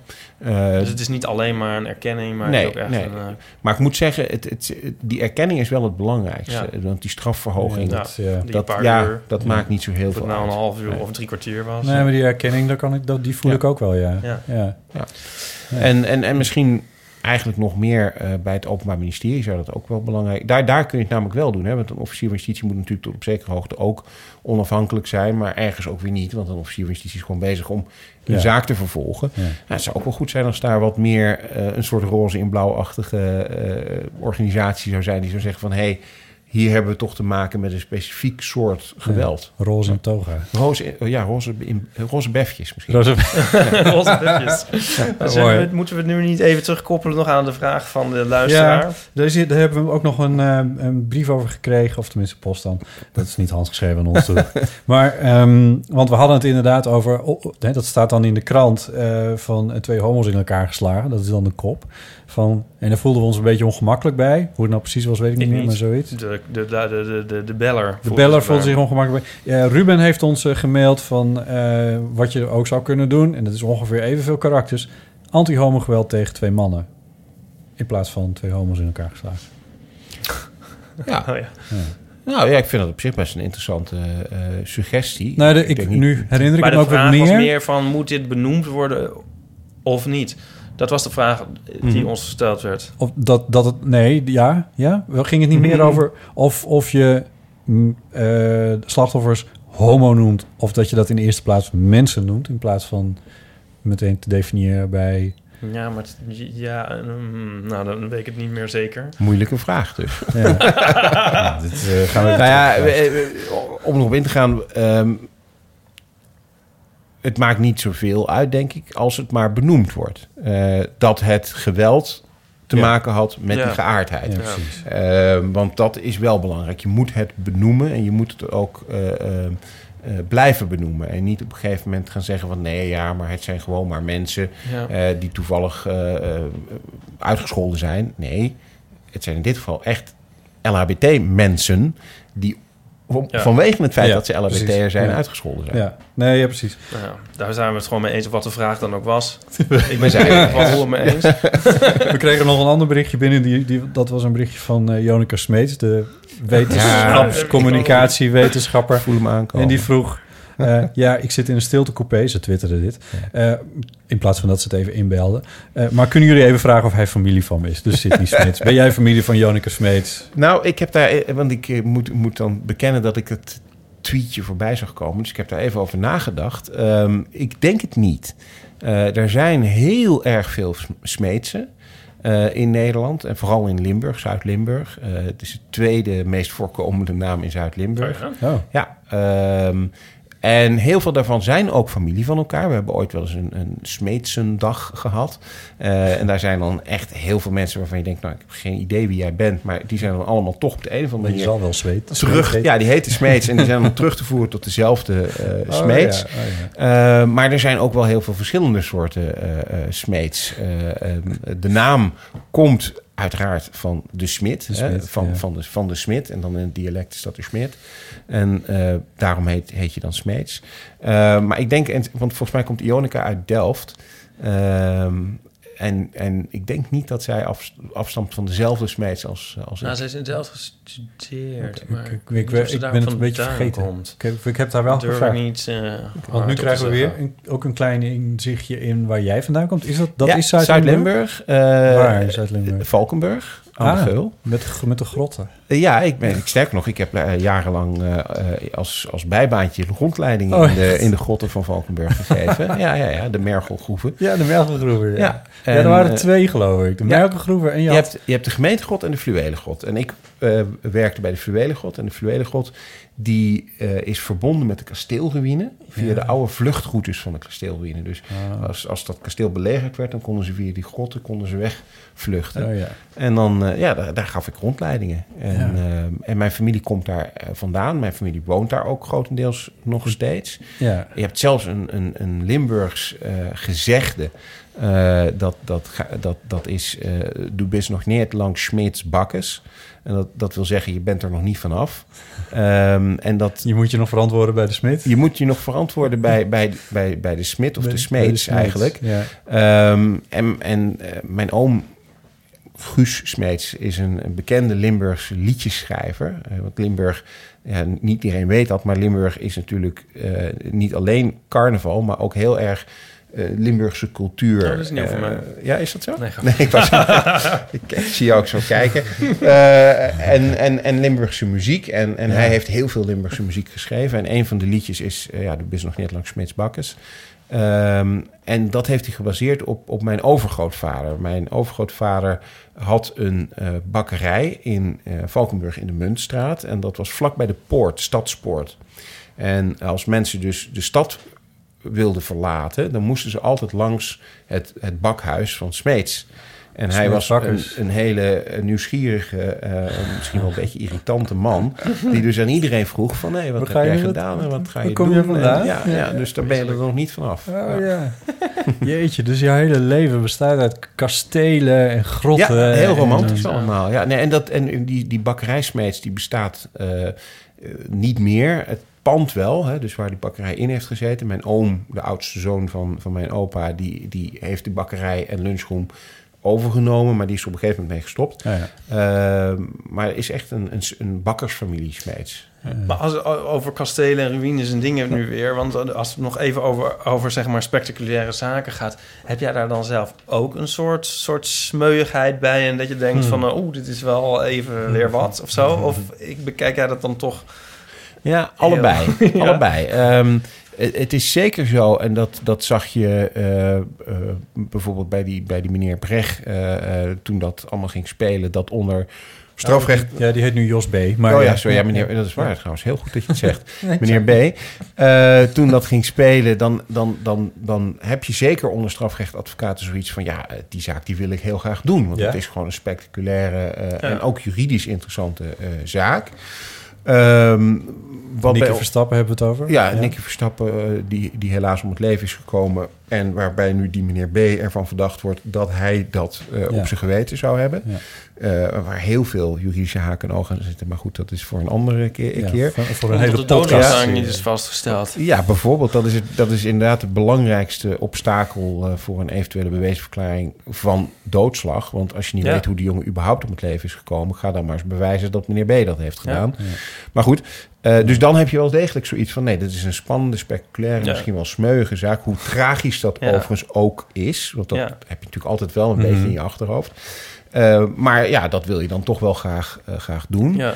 Uh, maar tegelijkertijd zijn wij op kantoor um, uh, wel zo dat wij niet uh, om zo'n zaak gaan bedelen. We gaan daar niet achteraan, we gaan Nee. niet die man bellen. We gaan, het is bij ons zo van, nou, als Maar nou dan ons- heb je ook weer het voordeel dat Gerard Spongel zoveel in de media is geweest. dat, dat, is wel een van de af- namen die ja, vooraan... klopt, dat, dat voordeel hebben we. Dus Ja. we hoeven het ook niet te doen. Maar het, het is ook wel een soort gevoel van... het is niet chic om dat te doen. Hmm. En die, de- want, want de, zeg maar de media, eh, media-genialiteit van advocaten... ehm, daar is natuurlijk ook best wel vaak wat om te doen. Van, Mhm. Moeten die dan altijd met hun hoofd op tv? Ehm, Ja, ja, klopt. Nee, wat, wat, wat is dat met de advocaten? Is het een Nou, soort het is- ijdel, ijdele beroepsgroep. Om de naam Ja. Moskovits niet te laten vallen. Ja, nou, die zag ik net nog voorbij hier. Ja, hier maar- vlak om de hoek trouwens. Maar Of die Maar- dan de zaak eigenlijk? Of is het Ehm, gewoon... eh, ehm, of nou, het, is belang? ook daar weer, het is van alles wat. Ehm, ja, ik denk dat je sowieso, zeker als strafrechtadvocaat, een zekere ijdelheid eh, moet hebben om het eh, goed te kunnen doen. Je hebt Want- ook een ongelooflijk professionele profielfoto. Ja. De knapste advocaat van Nederland. Precies, inderdaad. Ehm, omdat je namelijk, ehm, zeker als strafrechtadvocaat, is eigenlijk het meest traditionele beeld van wat mensen bij een advocaat hebben. Eh, Dat is wat wij doen, namelijk in toga, in de zittingszaal, pleiten, je verhaal vertellen, althans het verhaal van je cliënt, en proberen te winnen. Ja. Nou, als je niet graag in de spotlight staat, dan is het moeilijk om te gaan pleiten en overtuigend de rechtbank eh, ja, het verhaal van je cliënt te vertellen. Dus in zekere ijdelheid denk ik dat iedere goede strafrechtadvocaat wel, wel moet hebben. Is ook helemaal niet erg. Ehm, als het om media gaat, dan is het altijd een afweging. En die maken niet alle advocaten even goed. Ehm, wat dient het belang van jouw cliënt? Ja. Want er zijn heel veel zaken waarbij eh, het best wel leuk voor mijzelf bijvoorbeeld zou zijn dat ik daarmee op eh, televisie of wat dan ook kom. Omdat ik daarmee. Nou ja, ik zie mezelf ook graag op televisie, wie niet. Maar het is niet altijd in het belang. Botten, botten niet, die kan het niet. Nee, oh. ja, maar het is niet altijd in het belang van je cliënt om dat te Nee. doen. En, en dat is iets, eh, want eh, die vraag die jij stelt is heel terecht. Die wordt heel veel gesteld. Het beeld dat bij mensen leeft is ook dat wij altijd alleen maar in de media zijn. Maar, en zeker Gerard heeft dat ook wel eens vaker eh, gezegd. Je zou eens moeten weten hoeveel eh, verzoeken wij afwijzen. Hmm. Eh, en, en in die zin is het een beetje een soort ehm, ehm, dubbelzijdig zwaard. Het mes snijdt aan twee kanten, zou je kunnen zeggen. Want enerzijds zeggen mensen... ja, advocaten zijn de hele tijd in de media. Van de andere kant willen mensen het ook. Want eh, mensen vinden het allemaal heel interessant om Ja. te zien... Als, als er iets over zo'n zaak wordt verteld. Ja, ik moet even denken aan... Iep en ik hebben... Wanneer was het? Dinsdagavond naar Pauw zitten kijken. Ja, Mhm. daar moet ik ook heel erg aan denken. Dat was voor mij een tijdje eh, geleden dat ik dat had gedaan. Maar, eh, omdat Paulien erin zat. Ja, dat was een goede Mhm. reden. Paulien zat erin. Eh, om te vertellen over de nieuwe serie eh, Tokidoki... die Mhm. zondag, vanaf zondag te zien is op de Nederlandse televisie. Kijkt allen. Kijkt allen. Maar eh, zij, zij zat daar terwijl de... Oh, oh, dan schiet de naam even. Ja, de ooms- Smit. Oh ja, Ivana Smit, ja. Ze hadden dus... En, haar, en de advocaat van de nabestaande dan. Mhm. Die zat, was er ook nog. De advocaat van de nabestaanden, was dat? Van Waar- de was familie, die zeg maar. Van de familie, ja? Ja. Was die het? Zat die? Oké, ja. Ja. Maar ze hadden er dus ook voor gekozen om twee ooms te laten aanschuiven. En Ja, wij zaten van, wie, wie is bela- waarom Ja, wil je dit nou? gebeurt dit? Waarom- Nee, dat klopt. Ja. Nou, leg maar eens uit. Nou ja, nee, dat, nee dat, dat valt niet uit te leggen. Want, want dat zijn inderdaad soms van die dingen waar ook wij... Daar hebben we het dan op kantoor meestal eh, aan de lunch eh, over. Oh, ja. En dan vragen wij ons ook soms af van... ja, heb je het gezien? waarom hebben ze dat gedaan? Ja. Eh, er zijn echt soms zaken waarvan, het, wa- waarvan je gewoon weet... dit is niet verstandig om dit zo Ja. te doen. En zeker je cliënt erbij of cliënten erbij... dat is heel riskant. Ja. Kijk, als advocaat Johan van der Sloot, dat, dat was nog eens te veel. nou ja, kijk, als advocaat eh, eh, eh, heb je een paar voordelen. Je weet een beetje wat je wel en niet kan zeggen eh, en wat, wat de zaak wel en niet Ja. dient. Dat, Ja. dat weet je cliënt vaak niet, Nee. want die vertelt gewoon maar ja, wat. wat? En het tweede is dat je als advocaat, nou niet alle advocaten, maar de meeste advocaten die, die wel eens met mediazaken te maken hebben, die hebben een zekere ervaring of ze hebben een keer een mediatraining gehad of wat dan ook. Dus ze weten een beetje hoe ze zich moeten gedragen. En Ja. dat weten die cliënten ook heel vaak eh, niet. Dus nee. Heb jij wel eens op tv iets, iets gezegd of, of een heel optreden gehad waarvan je achteraf dacht van... oh nou, dat was misschien, eh, had ik dat beter achterwege kunnen laten? Dat is een hele goede vraag. Ehm, nee. En dat is niet omdat ik wil opscheppen, maar eh, ik denk dat ik gewoon geluk heb gehad. Oh. Ehm, ik heb een paar keer gehad dat ik bij, bij Pauw en of Pound en dat soort eh, programma's eh, zat, waarbij ik heel erg bewust was van het idee van hey, ik moet nu echt goed opletten dat ik het precies zo zeg als ik het wil zeggen. En ik moet vooral ook heel vriendelijk en aardig blijven, want ze zijn er alleen maar op uit om je te naaien. Ja. En gelukkig is dat altijd eh, eh, goed gegaan. Eh, dus ik heb geen optredens die ik me kan herinneren waarbij ik... nee, nee niet, niet dat het echt Nee. fout is gegaan. maar anders dan was je misschien ook niet op de plek gekomen waar je nu zit. Nou, ik, dat is ook weer niet helemaal waar. Want ik denk dat het. Dat, ik, ik ben een groot voorstander in alle dingen van dat mensen fouten moeten ma- ma- mogen maken. En dat, Mm. dat fouten maken ook best wel goed voor je, voor Mm. je is. Ja, maar niet voor je zaak. Nee, dat is waar. We- voor, voor een strafzaak is het beter om geen fouten te maken. dat klopt. Ja. Ja. En mag ik nog één vraag stellen die natuurlijk aan elke advocaat altijd gesteld wordt door iedereen? Hm? Ehm, heb je dan ook wel eens iemand gehad waarvan je dacht van... ach god, moet ik jou nou verdedigen? Maar jij bent zo'n slecht mens. Nee, dat komt niet zoveel voor. Ehm, eh, even vooropgesteld dat, dat op het moment dat je echt een conflict met een cliënt zou krijgen, hè, dus dat je gewoon echt niet samen door één deur kan, of die cliënt echt iets heel anders wil dan waarvan jij vindt dat het verstandig is eh, voor de zaak, ehm, dan, dan stop je ermee. Dan zeg je gewoon van, nou sorry, jij moet een andere advocaat zoeken, want ik ben niet de advocaat die jij nodig hebt op dit moment. Eh, of misschien wel die je nodig hebt, maar niet die je wil. Ehm, en het andere is dat dat verbaast heel veel, veel Maar mensen. dat is wel gebeurd. Ja, dat komt wel eens voor. Niet vaak hoor. Eh, dat komt ook weer een beetje door ons kantoor, hoe wij zijn. Als mensen bij ons komen, dan, dan is het een beetje zo dat ze wel accepteren dat, wat wij zeggen, dat dat wel Ja. waarschijnlijk de goede keuze zal zijn. Hè, dus wij zitten niet zo vaak in het conflict dat ze zeggen, ja, je moet dit doen. Dat doen we dus ook niet. Ehm, ehm, en, en het andere is dat, dat wat, wat heel veel mensen altijd heel raar vinden, is dat de meeste eh, cliënten eigenlijk hele normale, aardige eh, mensen zijn. Los van wat ze eventueel gedaan hebben. Hmm. Hè, dus iemand kan een hele ernstige zedenzaak eh, eh, op zijn geweten hebben, maar kan daarnaast nog steeds in de persoonlijke omgang best een hele aardige eh, figuur En dat zijn. maakt voor jou wel echt uit. Nou, dat kan je dan ook los zien. Ja, dat, je kunt dat los zien van elkaar. Het maakt ook niet altijd veel uit. Want ook als iemand nou ja, een hele onaangename persoon is... kan ik hem nog steeds verdedigen... zolang die maar naar me luistert en doet wat ik zeg. Eh, maar, eh, eh, maar het is dus opvallend vaak zo dat het hele normale mensen zijn. Ja. Het, eh, Grappig. Het is Ja. ook wel een verantwoordelijkheid. Als je dus dan een soort... Als iemand, al, je cliënt eigenlijk iets heel anders wil, bij spreken. Als je dan je, je zaak verliest, dan lijkt me dat ook wel een, iets lastigs. Ja, maar dat is God, altijd ja, zo. Op het moment nooit, dat. maar- eh, eh, nou, dat is niet waar wat ik zeg. Het is niet altijd zo.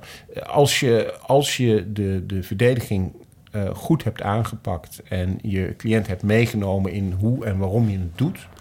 dan kan een cliënt tevreden zijn, ondanks dat hij de zaak eh, ja, verloren eh, heeft tussen aanhalingstekens. Want dat is ook weer een ding, een misverstand. Er is niet altijd winnen en verliezen in strafzaken. Nee. Want soms eh, valt een zaak helemaal niet te winnen, omdat het gewoon Ja. per definitie naar een veroordeling toe gaat. Maar dan kun je er nog steeds een heleboel eh, Ja. dingen aan doen. Eh, maar heel veel cliënten, eh, gelukkig, eh, eh, die zijn vooral tevreden met wat je gedaan hebt. En, en, en niet zozeer afhankelijk van de uitkomst die het uiteindelijk eh, heeft. Kijk, als ik win is het natuurlijk altijd mooier. Maar Ja. Is het ook zo, is het, is het misschien ook zo dat, dat binnen het... Wat ik, een van de dingen die ik dan weer uit die televisieseries leer... is dat advocaten als belangrijkste taak hebben... om te voorkomen dat dingen naar een rechtbank gaan. Maar dat jullie, omdat jullie in het strafrecht zitten... eh, juist weer wel, eigenlijk wel altijd met... Ja, wij, wij hebben wel eh, in het strafrecht eh, Schikkingen. schikkingen, inderdaad. Die komen voor. We hebben eh, nou, van de week nog eh, met de ING natuurlijk in het nieuws gezien. Ja. Hè, dat dat soort dingen komen wel voor. Maar was dat strafrecht? Ja, dat is dat, dat nou ja, dat, dat kan strafrecht zijn. Ja. Op het moment dat het gaat over witwassen, zoals Ja. in het geval van de ING, dan is het wel een, een strafrechtelijke kwestie die je op een gegeven moment afkoopt.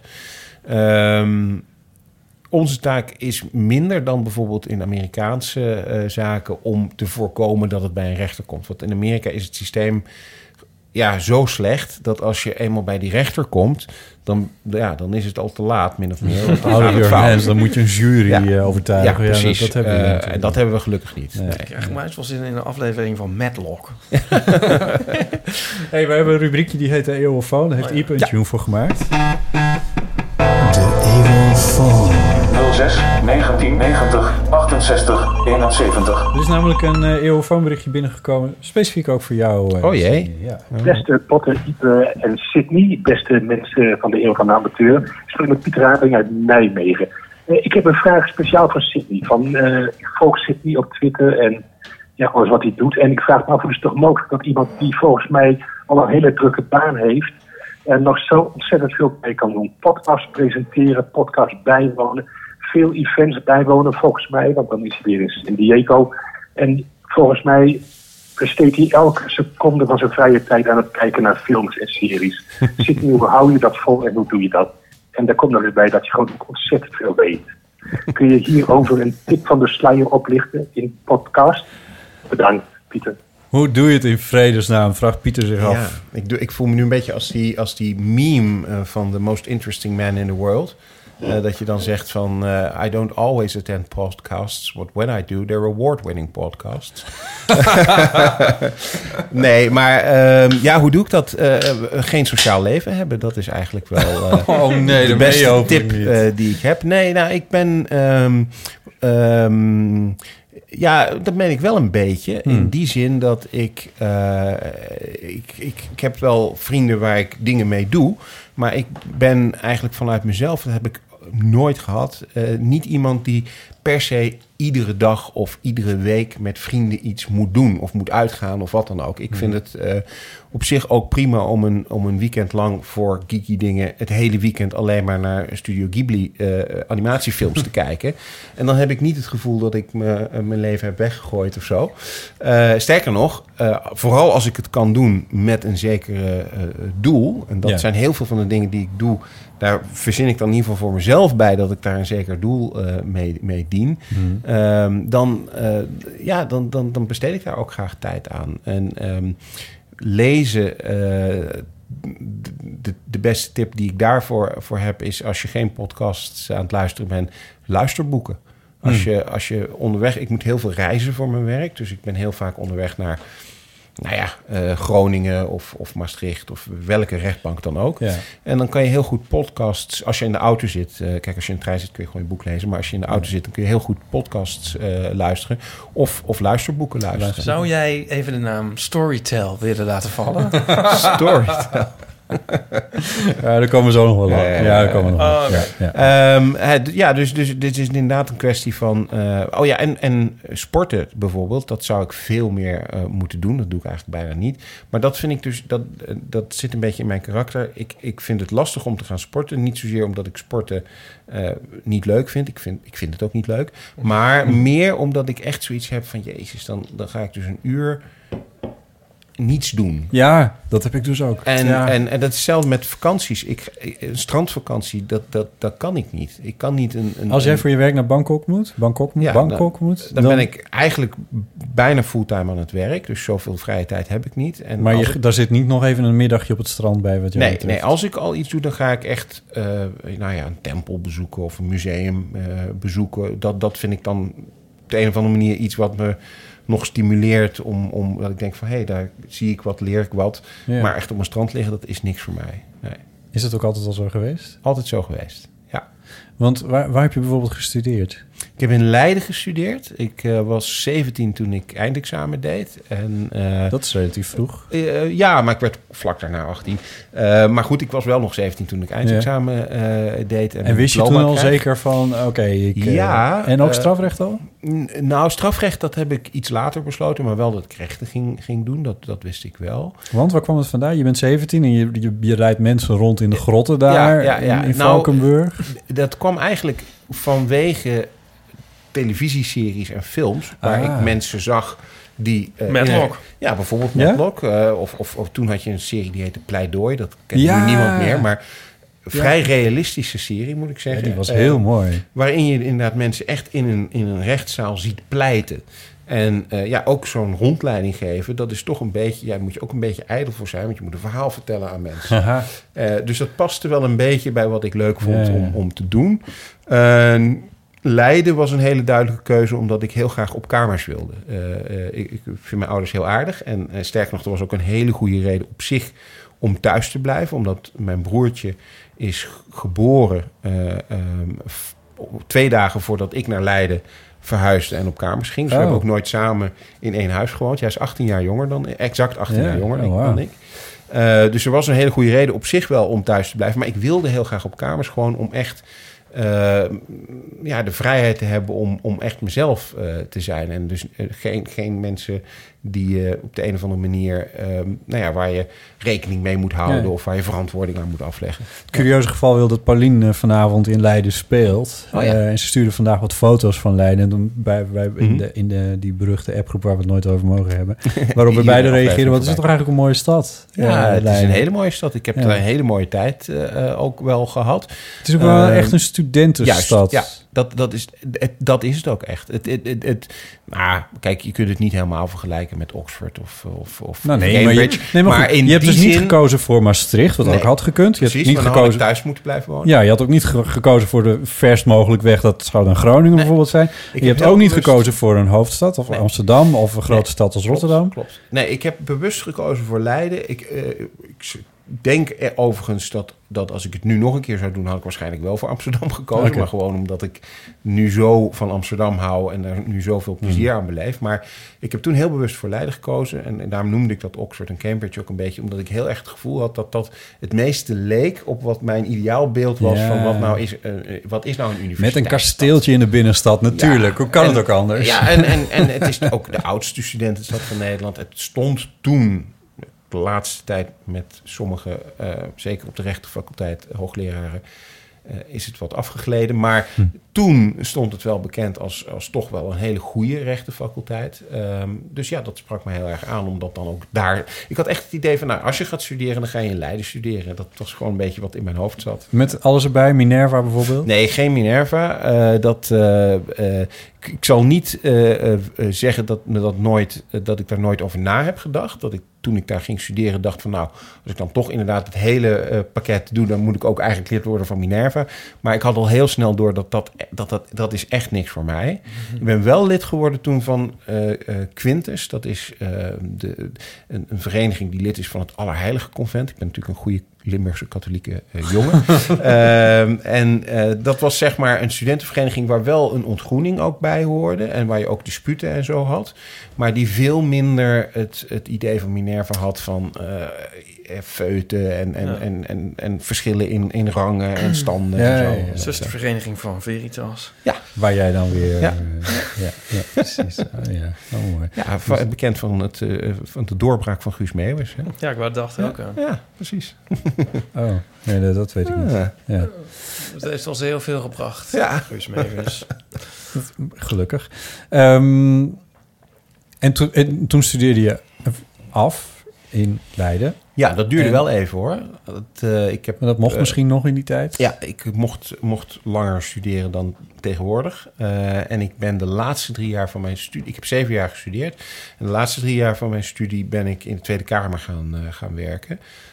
Vier dagen in de week in de Kamer werken. En Als dan één dag als persoonlijk medewerker van Erika Terpstra.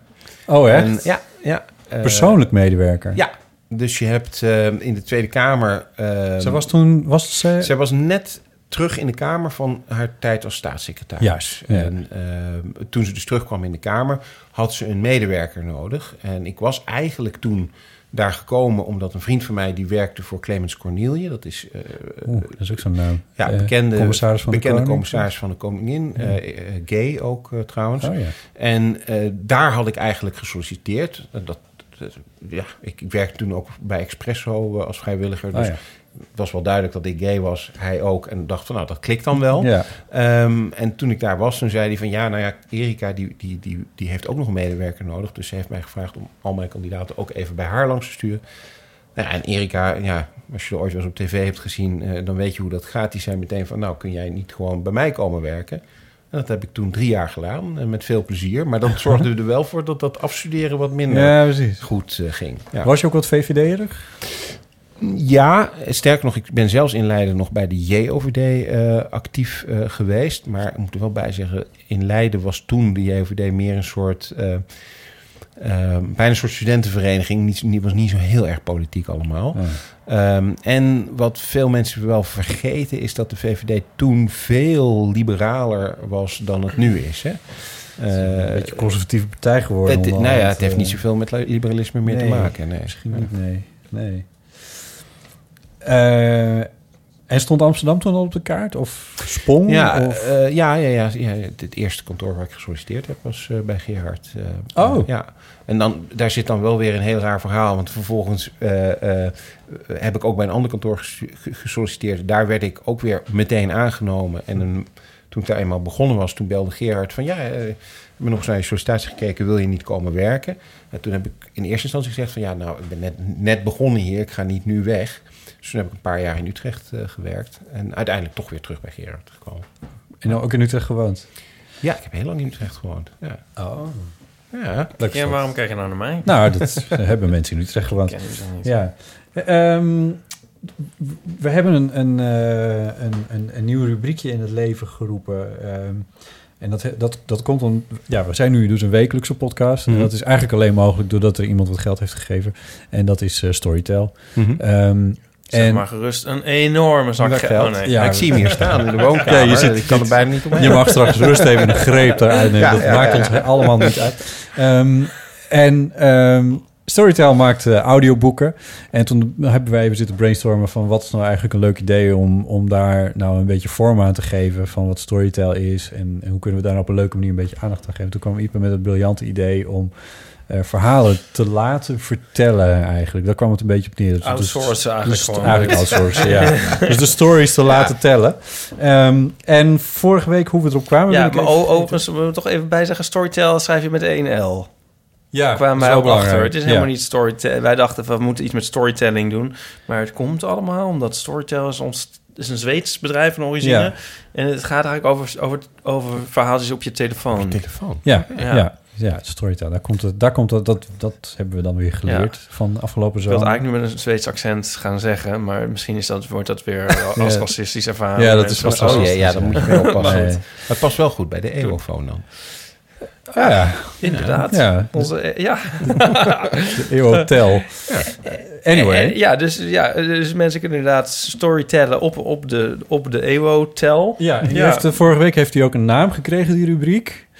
En, Namelijk? eh, daar heb ik een... eh daar hebben- pist vergeten. Daar hebben, nee, nee hoor, nee, nee, nee. Daar, daar hebben we nu een, ook een tune eh, van gemaakt. Oh. En die heeft Ipe nog niet gehoord. Dus ik Oh. ben heel benieuwd Oh, wat je ervan vindt. Wat een verhaal! Zit er nou een soort ontploffing achter of zo? Wat is dat? Nee, het is een gong. Oh, een gong. Oh. Je moet even goed, je moet even Doe nog goed luisteren. Wat een verhaal! Oh ja, ja prachtig. Ja. Ja. Ja, eh, eigenlijk zijn wij dit zelf. Eh, vorige week met Mhm. eh Aafbrand Kostjes ontstond het spontaan dat we met z'n drieën dat eh, zo zeiden. En het moet ook met overslaande stem uiteindelijk. Dus dit heb ik gewoon losgeknipt en heb ik een tune van. Dit Ja. doet er verder ook niet zo heel veel. Heel erg mooi. We hadden het over taxis. Taxis. op een of andere manier vorige week. En ehm, we vroegen dus ook om taxiverhalen. Eh, en eh, we hebben er twee binnengekregen. Eentje die is best wel wat lang, maar dat geeft ons, stelt ons misschien weer even in de gelegenheid om nog wat te drinken te pakken en te luisteren. Maar eentje die is relatief kort en die eh, gaan we eerst even naar luisteren. Ja, dit is Joost. Ik heb een verhaal voor jullie rubriek. Nou, wat een verhaal. Hier komt het verhaal. Ehm, het gaat niet over mij, dit verhaal. Dat vind ik belangrijk te vertellen. Het gaat over iemand die ik ken. Het, is niet, het gaat niet over mij. En het is ook niet zo van dat ik erover lieg dat het over iemand gaat die ik ken. Het gaat echt over iemand die ik ken. Hoe dan ook. Die wilde kook. En eh je hebt dat, kooktaxis. ja. Die kan je bestellen. En dan komen ze voorrijden. Eh, dan stap je in. Dan rijden ze een rondje eh, in je buurt. Dan doe je een deeltje. Stap je weer uit. En dan heb je je kook. Dan ben je weer thuis. Dus hij, had, hij deed het. Hij had een kooktaxi besteld. Hij, is- eh, er komt een taxi voorrijden. Een zwarte taxi. Hij stapt in. Ze rijden een rondje. Je, een deeltje. Stapt weer uit. Is weer thuis. Nou, alles klaar. Vijf minuten later krijgt hij een belletje. Ja man, eh, ik sta voor. Was hij dus bij een willekeurige andere taxi ingestapt. om, en die deed het dus ook. Die verkocht dus ook ook. Dus blijkbaar doen ze het dus allemaal. Nou ja. Hij had gewoon de verkeerde, eh, de verkeerde taxi gepakt. Nou ja, en toen moest je dus tegen die gast aan de telefoon zeggen... Ja, sorry, ik heb het al gedaan. Die was heel boos. Het verhaal. Nou, Wat een Wat een verhaal. Ja, ja. Nou ja, mensen, dus als u ooit naar Amsterdam komt, stap Ja, in een willekeurige Stap in een willekeurige taxi. taxi en u zit gebeiteld, geramd gewoon. We kregen nog een taxiverhaal. En dit is een wat langer verhaal van Floor. Hoi Botte, Ipe en gast. Ehm, ik heb een verhaal eh, bij het thema taxis. Eh, ik vond, oh wat een verhaal, best een hoge drempel. Maar ik dacht, dit is toch een van mijn lievelingsherinneringen. Dus ik bel maar gewoon. Ehm, toen ik aan het eind van de middelbare school zat, was ik eh, heel erg fan van de Britse zanger en muzikant Joe Jackson. Ik had namelijk een CD gevonden in mijn vaders kast en ik dacht: oh, wacht, Michael Jackson, dat is cool, dus misschien dit ook wel. Bleek niet cool te zijn, maar ik vond het wel heel erg mooi. En ik luisterde het heel erg veel als kind. Toen heb ik voor mijn twaalfde verjaardag van mijn ouders een, gekregen dat ik naar een concert mocht van Joe Jackson in Groningen. Ehm, want die zou op een zondagavond eind april optreden in de Oostpoort in Groningen. En daar ging ik met mijn vader naartoe. We gingen met de trein vanuit Amsterdam en eh, voordat we daarheen gingen, hebben we even bij het loket gevraagd hoe we dan terug moesten en of we dat nog zouden halen met de trein. Toen kregen we een geprinte routebeschrijving met precies de treintijden, de aansluitingen en hoe we dan via Zwolle weer terug zouden kunnen komen. Ehm, het concert was een belevenis. Ik denk dat ik het enige kind daar was. Iedereen zat op uh, van die theaterfluwelige stoelen. En van mij hadden ze ook mogen staan. Maar ik vond het echt een avontuur. En iedereen was zo enthousiast dat ik daar was als twaalfjarige. Dat was hartstikke leuk. Toen gingen we terug met de geplande trein van de geprinte routebeschrijving. En in Zwolle op het spoor waar we moesten zijn, was geen trein. En die ging ook niet snel. De NS-medewerker die we toen aangesproken hebben om te vragen hoe we dan naar Amsterdam konden komen op zondagavond om een uur of twaalf, uh, zei dat we best even op het perron zouden kunnen wachten tot de volgende trein om half zeven op maandagochtend. Dat vond mijn vader niet zo'n heel goed idee. Uh, toen hebben we nog even overwogen om een hotel te nemen in de buurt van het station. Maar is er toch voor gekozen om een taxi te nemen. Het was immers zondag en ik moest op maandag gewoon weer naar school. Um, de taxichauffeur was niet in één keer voor, maar wilde ons toch wel naar Amsterdam brengen uh, als hij een soort dealtje zou maken. Hij zei, weet je wat, ik zet de meter wel niet aan. Het is ongeveer 100 kilometer van Zwolle naar Amsterdam. Uh, het gaat dan niet om die paar euro. De prijs per kilometer is 4 euro uh, gulden, want het waren guldens nog. Dus ik breng jullie voor 400 gulden naar Amsterdam. Flinke smak geld, maar ja, wat was het alternatief? Dus wij in die taxi. En ik weet nog zo goed dat ik in die taxi stapte en het was echt fantastisch. Lederen bekleding, super luxe wagen. En ik viel bijna acuut in slaap. Het was zo'n fantastische avond. En ik zat nu in deze heerlijke auto en ik werd gewoon naar huis gebracht. Fantastisch. Um, op een gegeven moment werd ik wakker van een noodstop. Toen werd er heel hard geremd. Um, want iedereen ging opeens veel langzamer rijden. Omdat het echt noodweer was. Het was aan het onweren. Er waren voortdurend flitsen. En we reden door een muur van regen. Zodra de meeste mensen, zoveel zijn het er niet op zondagnacht op de snelweg, een beetje naar rechts gegaan waren en hun normale route hadden hernomen, drukte onze uh, taxichauffeur het gaspedaal weer vol in. Um, en scheurden wij vervolgens naar Amsterdam. En ik heb de rest van de reis um, met mijn handen op beide voorstoelen naar voren gekeken hoe wij in noodtempo door deze muur van regen terugreden naar Amsterdam. Ook dat was adembenemend en een once in a lifetime experience. En ik had zoveel te vertellen de volgende dag op school. Ik kon nu al bijna. Ik zat er gewoon de hele tijd te bedenken hoe ik dat dan morgen moest gaan vertellen. Bijna thuis hebben we nog even bij de knijn gestopt. En zat ik als een soort gegijzelde in de auto te wachten. Terwijl mijn vader de 400 euro ging pinnen. Uh, gulden nog steeds. Um, en daarna zijn we thuis weer afgezet.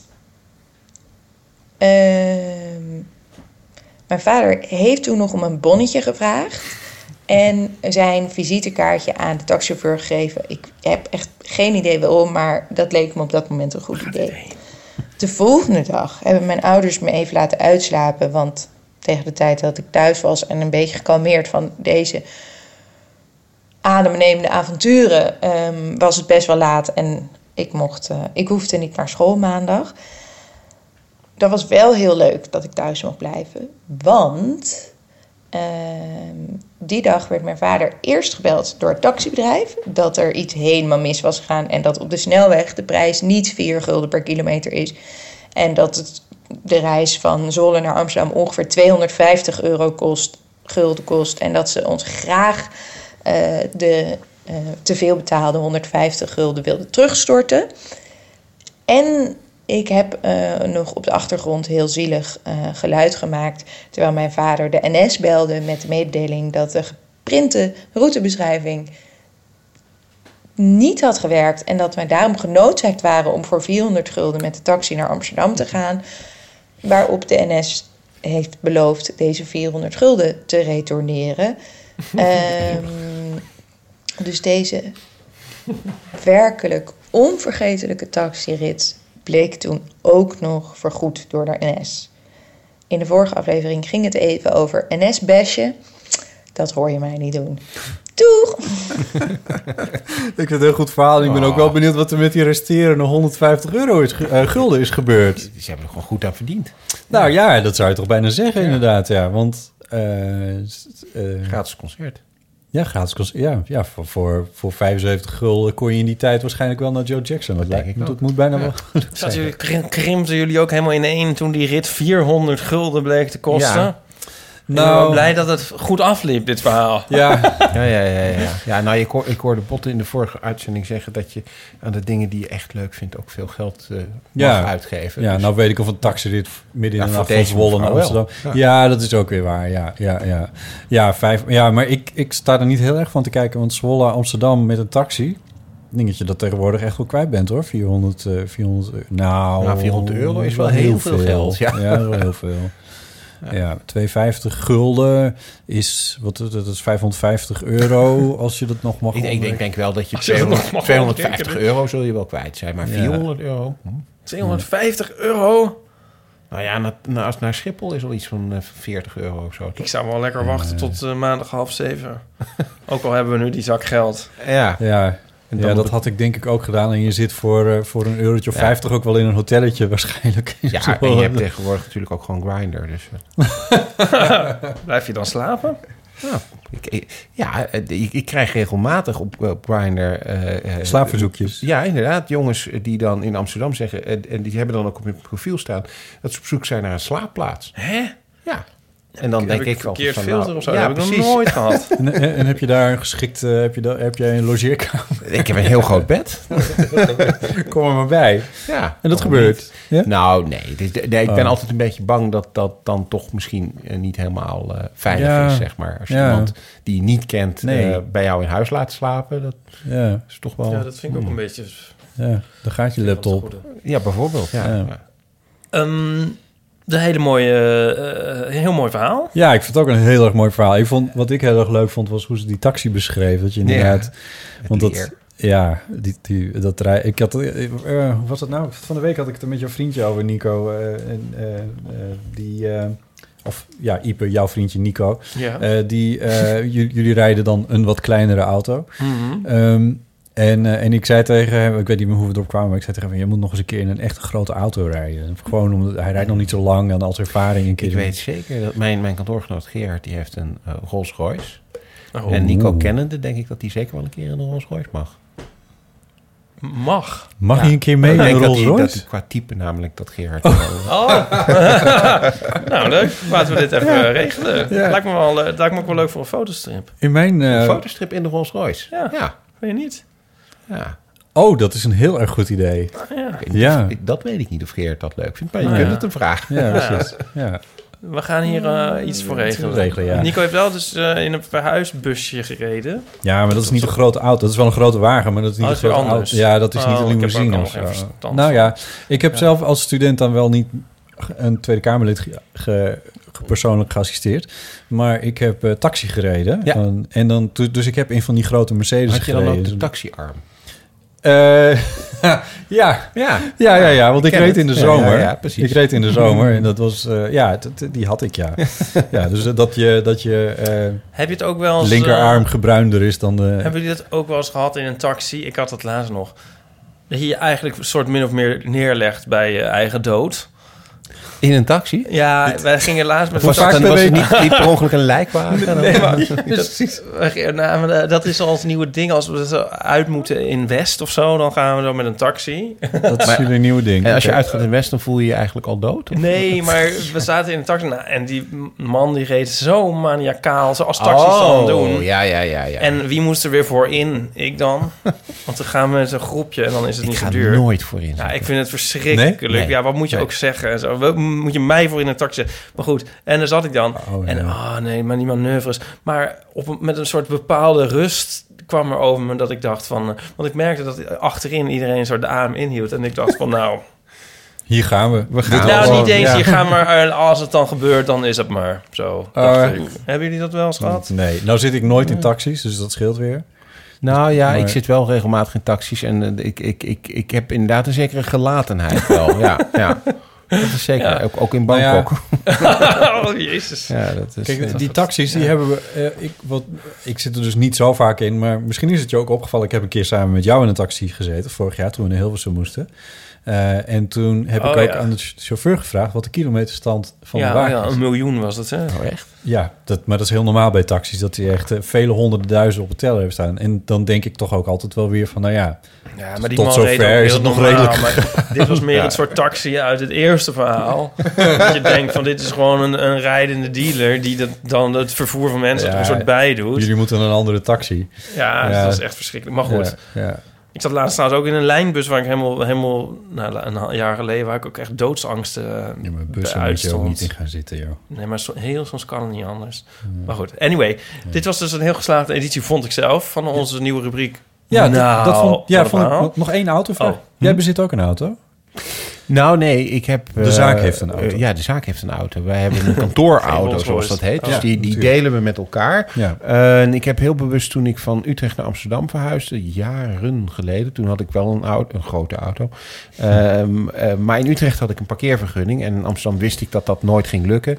En ik wist ook wel een beetje, en dat, nou, dat zullen jullie wel herkennen, dat je in Amsterdam sowieso je auto niet gebruikt. En, en als je Nee. in Amsterdam Nee, woont, hoeft dan nergens ga je de stad ook niet Nee, uit. Want is klaar. is buiten Amsterdam niks. Nee, is het Dus, buiten eh, Amsterdam? nee, Het- daarom. Dus, het, eh, niets, het niets uit de Never Ending Story moet ik aan denken. Ja, Nou, precies, ik heb- inderdaad. Ja, Ik ja. heb net gehoord dat jij van de ene rechtbank van Maastricht naar Groningen... Ja, rijdt. ja, Nou ja. goed. Nou ja, daarom hebben we hebben een auto van kantoor voor dit soort dingen. En, en, en niet eens zozeer de rechtbanken, want die zijn nog best wel goed bereikbaar met openbaar vervoer. Dus daar, daar zal ook wel rekening mee worden gehouden door de overheid, denk ik. Mag ik hopen. Eh, maar het tegenovergestelde geldt voor huizen van bewaring. Die zijn juist heel slecht bereikbaar, vaak Oh. met openbaar vervoer. Misschien ook wel omdat ze niet willen dat mensen dan ontsnappen en met de bus eh, vertrekken. Maar eh, ja, dus daar is een auto wel heel handig. Dat is grappig, nu je dat zegt. Ik heb een paar keer verhalen in gevangenis gemaakt. Ja. En dat is inderdaad altijd eh, ja, dat wel, wel redelijk afgelegen. Klopt, die ja. worden niet op dure locaties Nee, nee, gebouwd. nee, nee, die, in- die in Utrecht, maar die is nu weg. Ja, die, de eh, Wolfplein, hè? Ja, dat was, dat was een was toplocatie. Prachtig. prachtig. En ja, nou ja, Bijlmerbaai is Ja. was ook Ja. eigenlijk heel bewust gebouwd op een plek in de stad, zodat eh, gedetineerden niet afgezonderd werden, Ja. maar in de maatschappij konden Ja. worden. Er is een, hele, is een heel mooi boek over geschreven. eh, ja, zeker. Ja, ja, ja. Ehm, Wat ja. we dus moeten doen, waarom ik dit steeds zeg... Wat een mooie editie van... Nou, Nou, wat, wat een een verhaal is... Omdat we natuurlijk ook weer een volgende Ja. editie moeten hebben. Want, Ja, want ik vind het dus wel... Wat, wat jij de vorige keer dus deed, was ook eventjes het themaatje introduceren. Ja. Namelijk taxiverhalen. Dat vond ik een hele mooie. Dat heeft dus ook uitgewerkt. En we moeten nu ook even een themaatje Ja. hebben. En daar had ik al eventjes over nagedacht. Oh god, oh ik ook. Jij ook? oh, ik dacht misschien is het leuk om, eh, om eh, rechtszaken of strafrechtszaken... Ja, dat is nou iets, iets of iets breder. Misschien een... eh, hoe- Advocatenverhaal. nou, of hoe ben je, ben je in aanraking? Misschien ook met de politie. Jij had dit Oh, prachtig ja. verhaal van de politie stond er eens bij me binnen. Ja, Ehm, ja, dat soort dingen. Ja. Ja. Ja, in aanraking met politie en justitie. Ja. Verhalen over politie en justitie. Ja. En desnoods ehm, dan uit de tweede hand, zoals het verhaal van eh, Joost. Want eh dat was uit de tweede Tweede hand. hand, Nee, we geloven het allemaal, Ja, Joost. Joost. Nou, dat geloven we wel. Ja. Maar ehm, ja, laat ons... eh, ja, spreek die in, hè? Op de Evofoon. Of op, op eigenlijk de Evotel. Ehm 06 1990, 68. 71. En meestal doen we het andersom. Ja, dat klopt. En ehm, je mag ze eventueel ook mailen. Ja, ja, dat heeft de Floor bijvoorbeeld ook gedaan. Dat kon je een beetje horen. Als je er gewoon inspreekt en je maakt een mp3'tje, dan vind ik dat prima. En dan kun je dat mailen naar botten. Oh, zo, ja. Botten of, mag het, of mag je het ook typen, of mag dat niet? Nou, liever niet typen, want dan moeten we het voorlezen. Ik vind het toch leukst om Het te leukst, horen. Ja. ja. Vind ik toch wel, eh, dit was ook het is wel bijzonder, omdat het gewoon Ja. te horen hoe iemand dat vertelt. Ja. Maar mocht je nou heel, heel, heel, heel extreem verlegen zijn, maar dan wil ik wel dat je daar ook eventjes laat horen dat je extreem verlegen Dan bel je even en Ja, zeg dan je... je wel hakkelend. Ja, ja. hakkelend op die eeuwofoon staat. Ja. Nou, vooruit.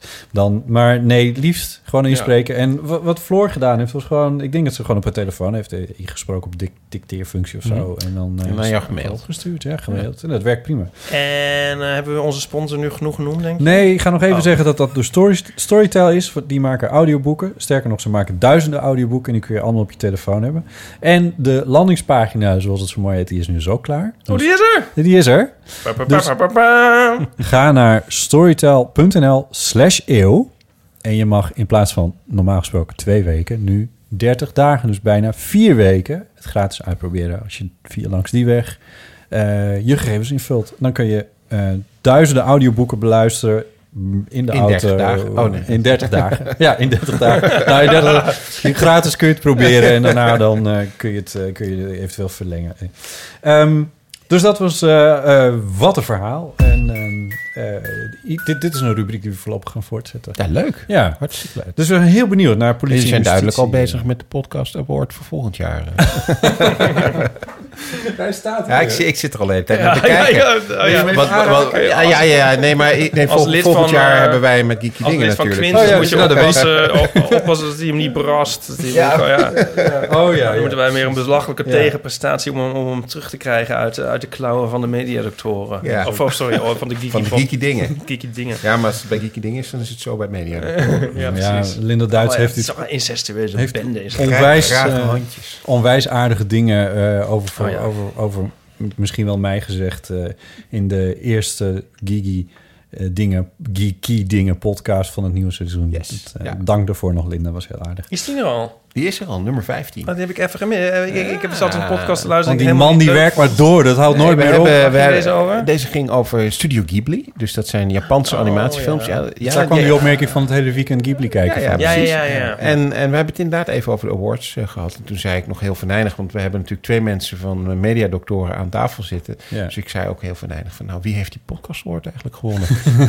Hey, en, Ik heb en- dat ervaren als een Ja, soort ja. opzetje. Ja, Dus ja, dat, ja. En, en hoe vaak verschijnen jullie eigenlijk? Hoe vaak? Ja? Wij komen iedere twee weken. Ah ja. Ja. En wat wordt het Ja. volgende onderwerp? Volgende onderwerp is Twin Peaks. Oh, leuk. Oh, Ja, ja. ik heb het nieuwe seizoen nog niet gezien. Ja, dan moet je het gaan kijken voordat je naar Geeky Dingen luistert. Ja. Ja, want jullie doen niet ingewikkeld over spoilers. Nee, nee, wij zijn eigenlijk, we hebben eh, vrij Nou. snel al gezegd, ja, het, het- soms wel, want als het echt om een nieuwe film of zo ja, die oké. de bioscoop gaat, Ja. dan, dan gaan we hem niet spoilen. Maar als we echt een onderwerp kiezen, zoals bijvoorbeeld eh, Stanley Kubrick films, ja, dan gaan we er gewoon vanuit dat Ja, iedereen die films gezien heeft. gezien, ja. Anders dan is het ook niet Met zo Twin leuk om erover te praten. Nee, ja. precies. Ja. Een film uit, uit, uit, uit 1950 kun je ook onderhand wel spoileren. Ja. ja. En hou jij ook van horror? ja, zeker. Want dat zit er niet zo in, toch? Nog niet, maar we hebben... ehm, dat, dat, dat zeg- mag ik eigenlijk helemaal niet zeggen, want officieel hebben we dat nog niet afgesproken. Maar we hebben wel een beetje in de planning staan om een Halloween-aflevering te maken. Oh, ja. Ja. Ja, Ja. ik vond jullie eh, Pride-aflevering ook heel erg leuk. Die was live. Ja, waren we heel blij mee dat dat, Oh, dat- dat, dat lukte. Want Ja. we, ja, we hebben dat live opgenomen met publiek. Ja. En wij hadden eigenlijk zoiets van... ja, we zijn net begonnen. Is dit wel slim, slim om dit nu te gaan proberen? Maar dat is best... Ja, en er waren genoeg mij, dingen ja. om over te praten. Dus dat was ook Ja, wel... ja, eh, dat- dat- Wat is jouw favoriete horrorfilm? Mijn favoriete horrorfilm? Ik denk dat ik dan moet zeggen... Goh, wat een moeilijke vraag zeg. Ja, ik denk gewoon Nightmare on Elm Street. Oh, Daar ben ik wel een beetje leuk. mee opgegroeid. En, en, en eh, ja. Dat En Amsterdam. ja. Ja, hou jij van horrorbotten? Nee, Nee. hè? Nee. Nee, niet mijn kopje thee. Nee, ik vind eh, mensen die niet van horror houden... het is toch net zoiets als mensen die niet van ko- geen koffie drinken. Ja, dat met dat. Ja. maar wat is jouw favoriete horrorfilm? Ja. de- Toy Story 3. Ehm, wat is mijn favoriete? Daar moet ik natuurlijk wel ergens mee komen. Ehm, Zijn dat Toy Story? Ja, Toy Story 3 vinden mensen heel eng. Echt? Ja. Ah ja? Ja, en er zitten allemaal scènes in, in, een, in een soort ver- eh, eh, verbrandingsoven. En dat, dat, nou ja, Lion- eng. King was toch eigenlijk ook Lion best King is eng? ook eng, ja, Ja. klopt. nooit gezien. Wat, Lion King? Eh, die, ook niet, nee. Nee? Maar, maar Toy Story Hoe kun je dat 3 nou niet hebben ook gezien? niet. Nee. Ehm, Nou, dat gaan we nog een keertje doen. Ja, on Elm Street. Ik weet het eigenlijk niet. Ik moet even deze... Ik heb, ik heb een soort, soort blackout eigenlijk. Oh. Maar ik vind eh on Elm Street wel een heel leuk film. Omdat het ook een lekker...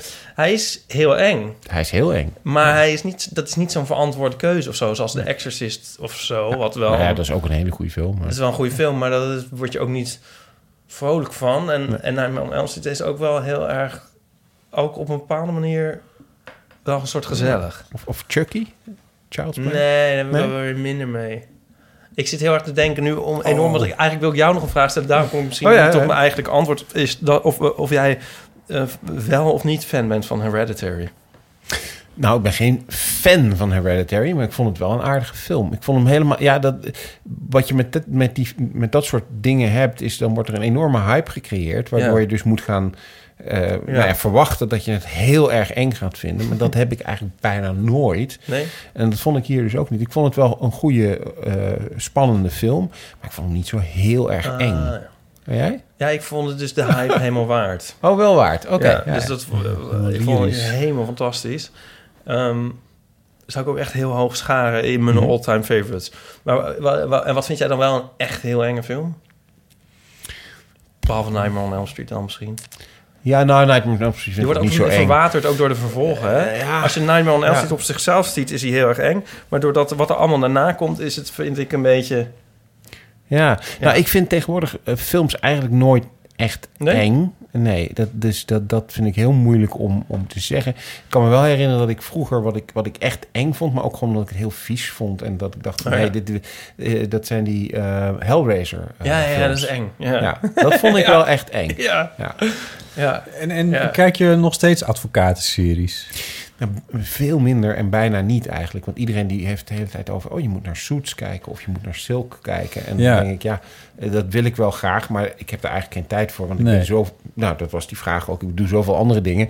En dit doe ik al de hele dag. Ja. Dus die series kijk ik wat minder. Ik moet ook heel erg aan A Few Good Men denken met die... eh, Dat is, maar dat is Ja. een fantastisch... Dat kan je, kan je verklappen. Dat Weer die, Tom Cruise. Die, die scène hè, Ja. van... eh, eh, eh, You Can't Handle the Ja, Truth. ja. Die wordt ook gewoon met de advocatenopleiding eh getoond. Serieus? Ja, ja, ja. Die, die laten Maar ze gewoon zien op het moment dat je eh, als advocaat opgeleid wordt. duurt ongeveer drie jaar. Maar daar zit onder andere in het begin een weekend dat je met z'n allen nou ja, een beetje gaat kennismaken met wat je dan gaat, eh, gaat leren.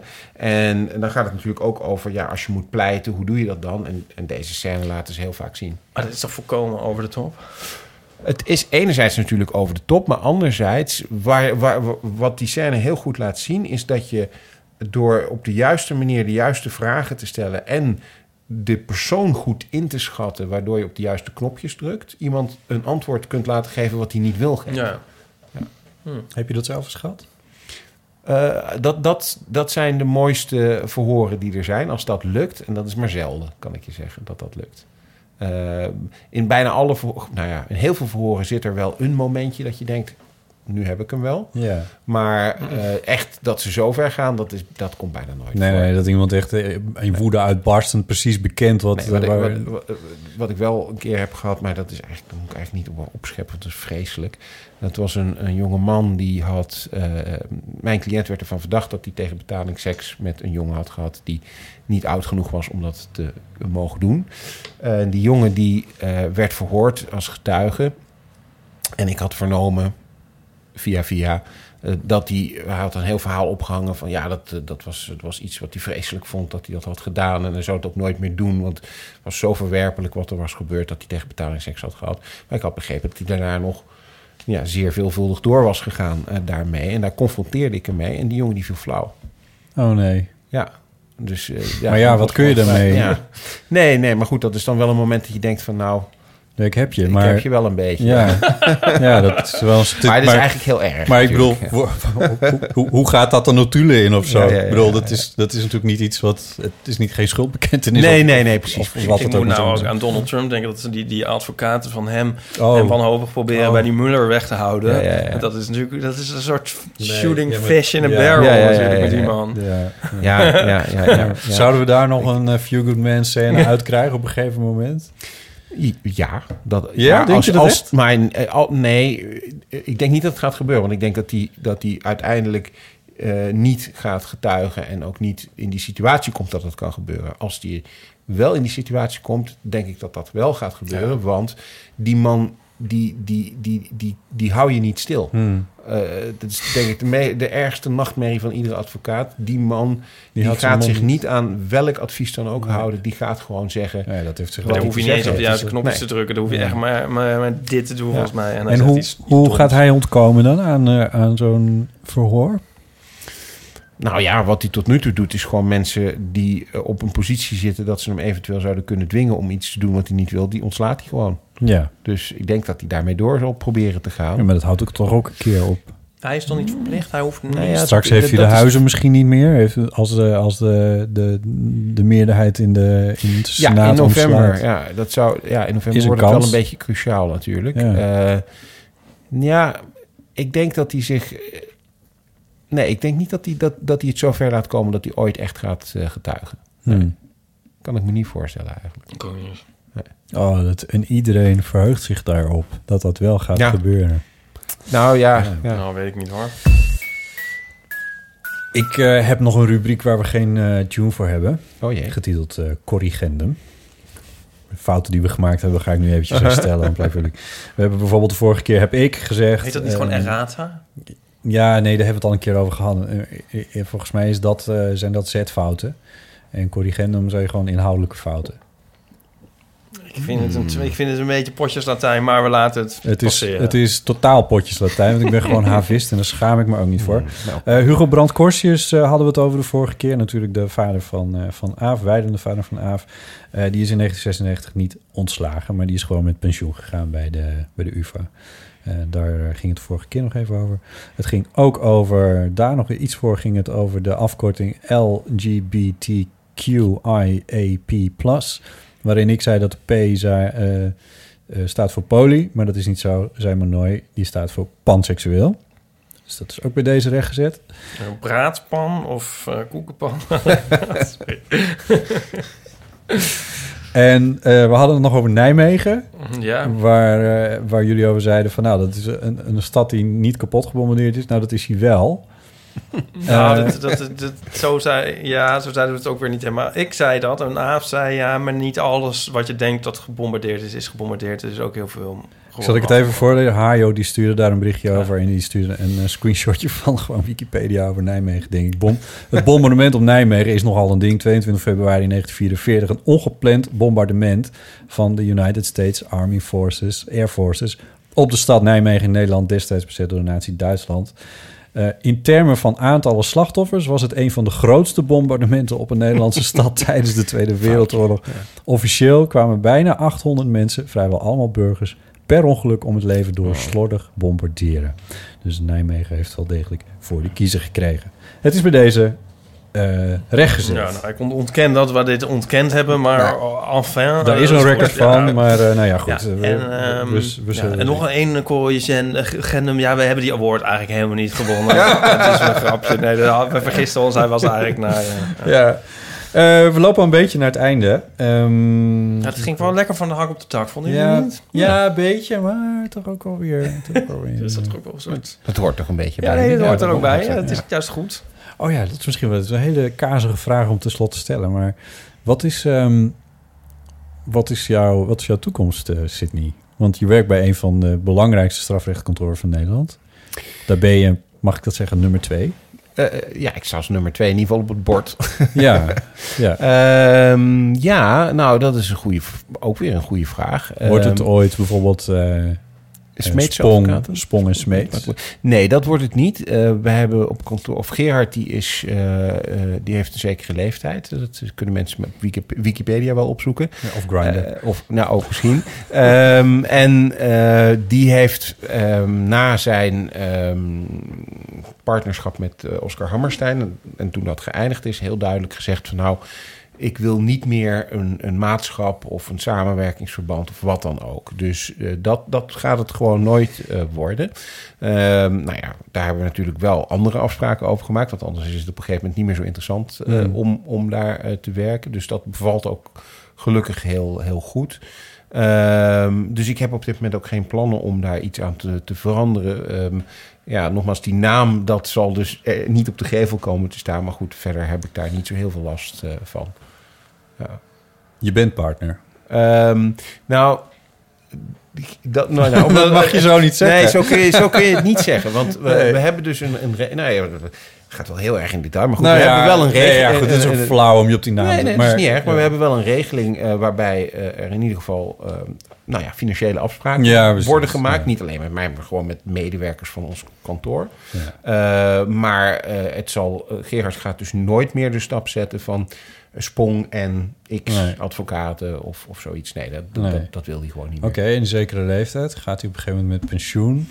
Nou, als het aan hem ligt niet. Nee. Eh, nee, nee hij, daar hebben we ook wel eens met hem over. Eh, maar hij is heel duidelijk dat hij eh, gewoon doorgaat totdat hij op een gegeven moment er niet meer is. Juist. En daarna, ja, dan moet iedereen het zelf maar zien wat er gebeurt. Ja. En jij, wat ga jij dan zien? Ehm, nou, ik ga nog even door, want ik ben... Ligt er dan een zo- kantoor waar een nieuwe directeur voor gezocht, gezocht wordt? Wel, wellicht. Zo heet dat, natuurlijk niet bij Nee, dat is, nee dat, dat sowieso niet een directeur. Eh, je zou op het moment dat dat, dat, dat zich zou voordoen... eh, dan moet je gewoon met de mensen die nu of dan eigenlijk op kantoor eh, zitten... moet je gaan bespreken hoe, hoe je het verder wil doen. Ja. Eh, en dat kan zijn, eh, sommige advocaatkantoren hebben dat gedaan... dat je doorgaat met de naam Oh ja. van het kantoor. Ja. Eh, maar het kan ook zijn dat je zegt van nou nee, eh, dit is geweest wat het is geweest en we gaan nu iets anders doen. Dat kan ook. Ehm, maar heel concreet hebben we daar geen, geen plannen Nee. voor, omdat Geert gewoon. En precies. nog- nog en we hebben het ook over, over, Ja. over de dood van eh Nee, nee, man nou, die nog vol nee, in het leven precies, staat, geloof ik. ja. ja. dus dat is ook een beetje flauw. Ehm, dus, maar goed, de, ik, ik begrijp hieruit, ik maak hier ook wel een beetje uit op dat je wel heel goed op je plek zit. Dat je dit wel heel tof vindt en nog even kan volhouden. Ja, ja ik, ik zit op een, op een goede plek. Het is een fijn kantoor, hele fijne kantoorgenoten. Mensen die eh, ja, gewoon goed zijn in wat ze doen. En, en waar ik gelukkig ook heel eh, veel steun aan heb als ik eh, nou ja, iets aan het doen ben... waardoor zij dingen voor mij moeten opvangen. Nou, dan, dan kan dat ook. Ja. Ehm, en tegelijkertijd geeft het me nog steeds de mogelijkheid om ook andere dingen te doen. En niet alleen maar 24 uur per dag eh, advocaat eh, te zijn. Dat vind ik ook heel prettig. Ehm Geeky dingen namelijk. Geeky dingen, maar ook... ehm, eh, ik, ik, ik heb op een gegeven moment een boek geschreven. Ja. Ik heb met Gerard weer een ander boek geschreven. Nog een keer een ander boek. Dus boeken schrijven, eh, Ah, dat vind ik ook erg leuk. ja. Dus dat, dat zijn ook dingen die, die in de manier waarop wij nu samenwerken... waarbij eigenlijk natuurlijk de, de, de, de kwaliteit wel voorop staat... maar niet per se het heel erg belangrijk is... of je die ene week nou eh, omzet X hebt gehaald of omzet Y Mhm. hebt gehaald... maar gewoon goed bezig zijn. Ja. En waarbij dus ook ruimte is om te zeggen van... nou, eh, we gaan nu dit Ja. project doen, een boek of een, of een cursus, bijvoorbeeld cursussen geven voor, eh, voor advocaten. Ehm, en dat zijn hele leuke dingen om, er, om, Ja. om, om, er, om erbij te doen. Om dus niet alleen maar de hele tijd met, met dat ene ding bezig Het klinkt als een tof kantoor waar je niet eh tabelletje met eh, gedeclareerbare of het, declarabele uren. eh, Nee, het- hoeft, het- eh, het- dat, is, he- dat is een hele Ja. fijne sfeer. Het gaat niet alleen maar om de billability. Nee, en, Billability. en, dat, en, en ik zeg er wel in alle eerlijkheid bij, want de, de, er zijn heel veel advocatenkantoren waarbij het eh, eh, ook financieel niet zo goed gaat, omdat er gewoon heel weinig geld op dit moment beschikbaar is Hmm. voor de strafrechtadvocatuur, maar ook trouwens voor de vreemdelingenrechtadvocatuur. Wij hebben een beetje het geluk dat wij een kantoor zijn waar op zich genoeg eh, binnenkomt. Eh, en daardoor hebben we ook de Hebben jullie luxe... ook een deal met Storytel? Juist, ja, die zakgeld komt bij ons ook iedere week binnen. Ehm, en, en, en daardoor hebben we de luxe dat we, dat we ook af en toe ja, iets kunnen doen waar we wat minder mee verdienen. Eh, of, of waar we niet direct de, de, de, de, financiële vruchten van plukken, maar die we wel interessant, leuk, belangrijk eh, vinden. Ja, ja. Mooi. Ja. Leuk. Ehm, ik ga nog, eh, we gaan nog twee dingetjes doen. Dat is namelijk iets vertellen over het podcastfestival... en nog iets over de iTunes-recensies. Er komt namelijk een nieuw podcastfestival aan. Ja. En dat weet jij, want je bent een van de gasten daar met Geeky Dingen. Klopt. Geeky Dingen zit in het panel. Ja, 29 september. dat is een zaterdag. Eh, organiseert het podcastnetwerk het eerste echte podcastfestival in Lab 111 in Amsterdam. Vorig jaar hebben ze het al in Sectieland eh, gedaan. Ehm, Wat is dan het eerste eraan? dat het voor het eerst in Lab 111 Oh, is. maar is het, hoeveel is het podcastfestival? Het tweede wat dat betreft. Ah. Ja, voor, Wat is voor dat. Lab 111? Is dat, eh, Dat is in West, dan moet je met de taxi naartoe. Is dat in West? Waarom Ja. moet het nou weer helemaal in ja, West? dat weet ik ook niet. Je moet allemaal dingen in West. Ik begrijp het ook echt niet. De, Lab 111? Ja, ja. de, de helft van Amsterdam vergeet dat er ook nog aan- iets aan de oostkant van de Amstel gebeurt. Maar dat is heel gek. Een gay café in Oost, dat zou ik nou wel eens willen. ja, dat bestaat dus niet. Nee, maar waarom is dat er niet? Ja. Kijk je nou naar Sydney? Ja, Nou ja, ik- ja, ik- ja, zit niet, Zie verdomme. hier een, een, Ja. een, een, een, een idee geboren worden. Dus als we nou gewoon... Ja. Maar dit is zijde. Nou ja, podcastfestival. Ieder jaar, zo eh, schrijft Lieven Heermans... eh, van de belangrijke drijf, eh, drijvers achter eh, dit festival... Drijvers? Wordt de doorbraak van het... Ja, ik weet even, hoe zeg je dat? Initiator... Nee, initiator. Drijvende nee, kracht. Drijvende, Drijvende een van de krachten. belangrijke drijvende krachten achter. Ieder jaar wordt de doorbraak van de podcast als nieuw medium aangekondigd. 2018 is het jaar dat de podcast bekroond werden. Begin september zijn er maar liefst drie awards uitgereikt. Dat klopt. Aan wie ook alweer? Eh, nou, ja. Ehm, dus, eh, nou ja, goed. En eh, even kijken, wat staat op het programma? Onder andere een podcast van NSC, Nu.nl en De Standaard schuiven aan voor een panelgesprek over dagelijkse nieuwspodcast. Er is een panelgesprek over cultuurpodcast met onder andere Geeky Dingen en de Vierkante Ogen Show. Ook worden er verschillende workshops gegeven door ervaren podcastmakers. En als afsluiter komt Chris Baaienman, de man met de microfoon, langs in de podcastclub, een boekenclub voor podcasts, om met fans te praten over zijn maakproces. Zie voor het hele programma www.podcastnetwerk.nl slash festival of www.lab.nl, dat is met een b, slash podcastfestival. En volg het podcastnetwerk via Facebook en Twitter. En dan weet je alles. En Waarom, Bijna. Zijn wij, waarom zijn wij daar niet geboekt? Bijna alles. Ja. ja. Wat is dit voor line-up? We zullen, nou we zullen, we line-up. zullen Ik zien. zou niet gaan. We zullen zien.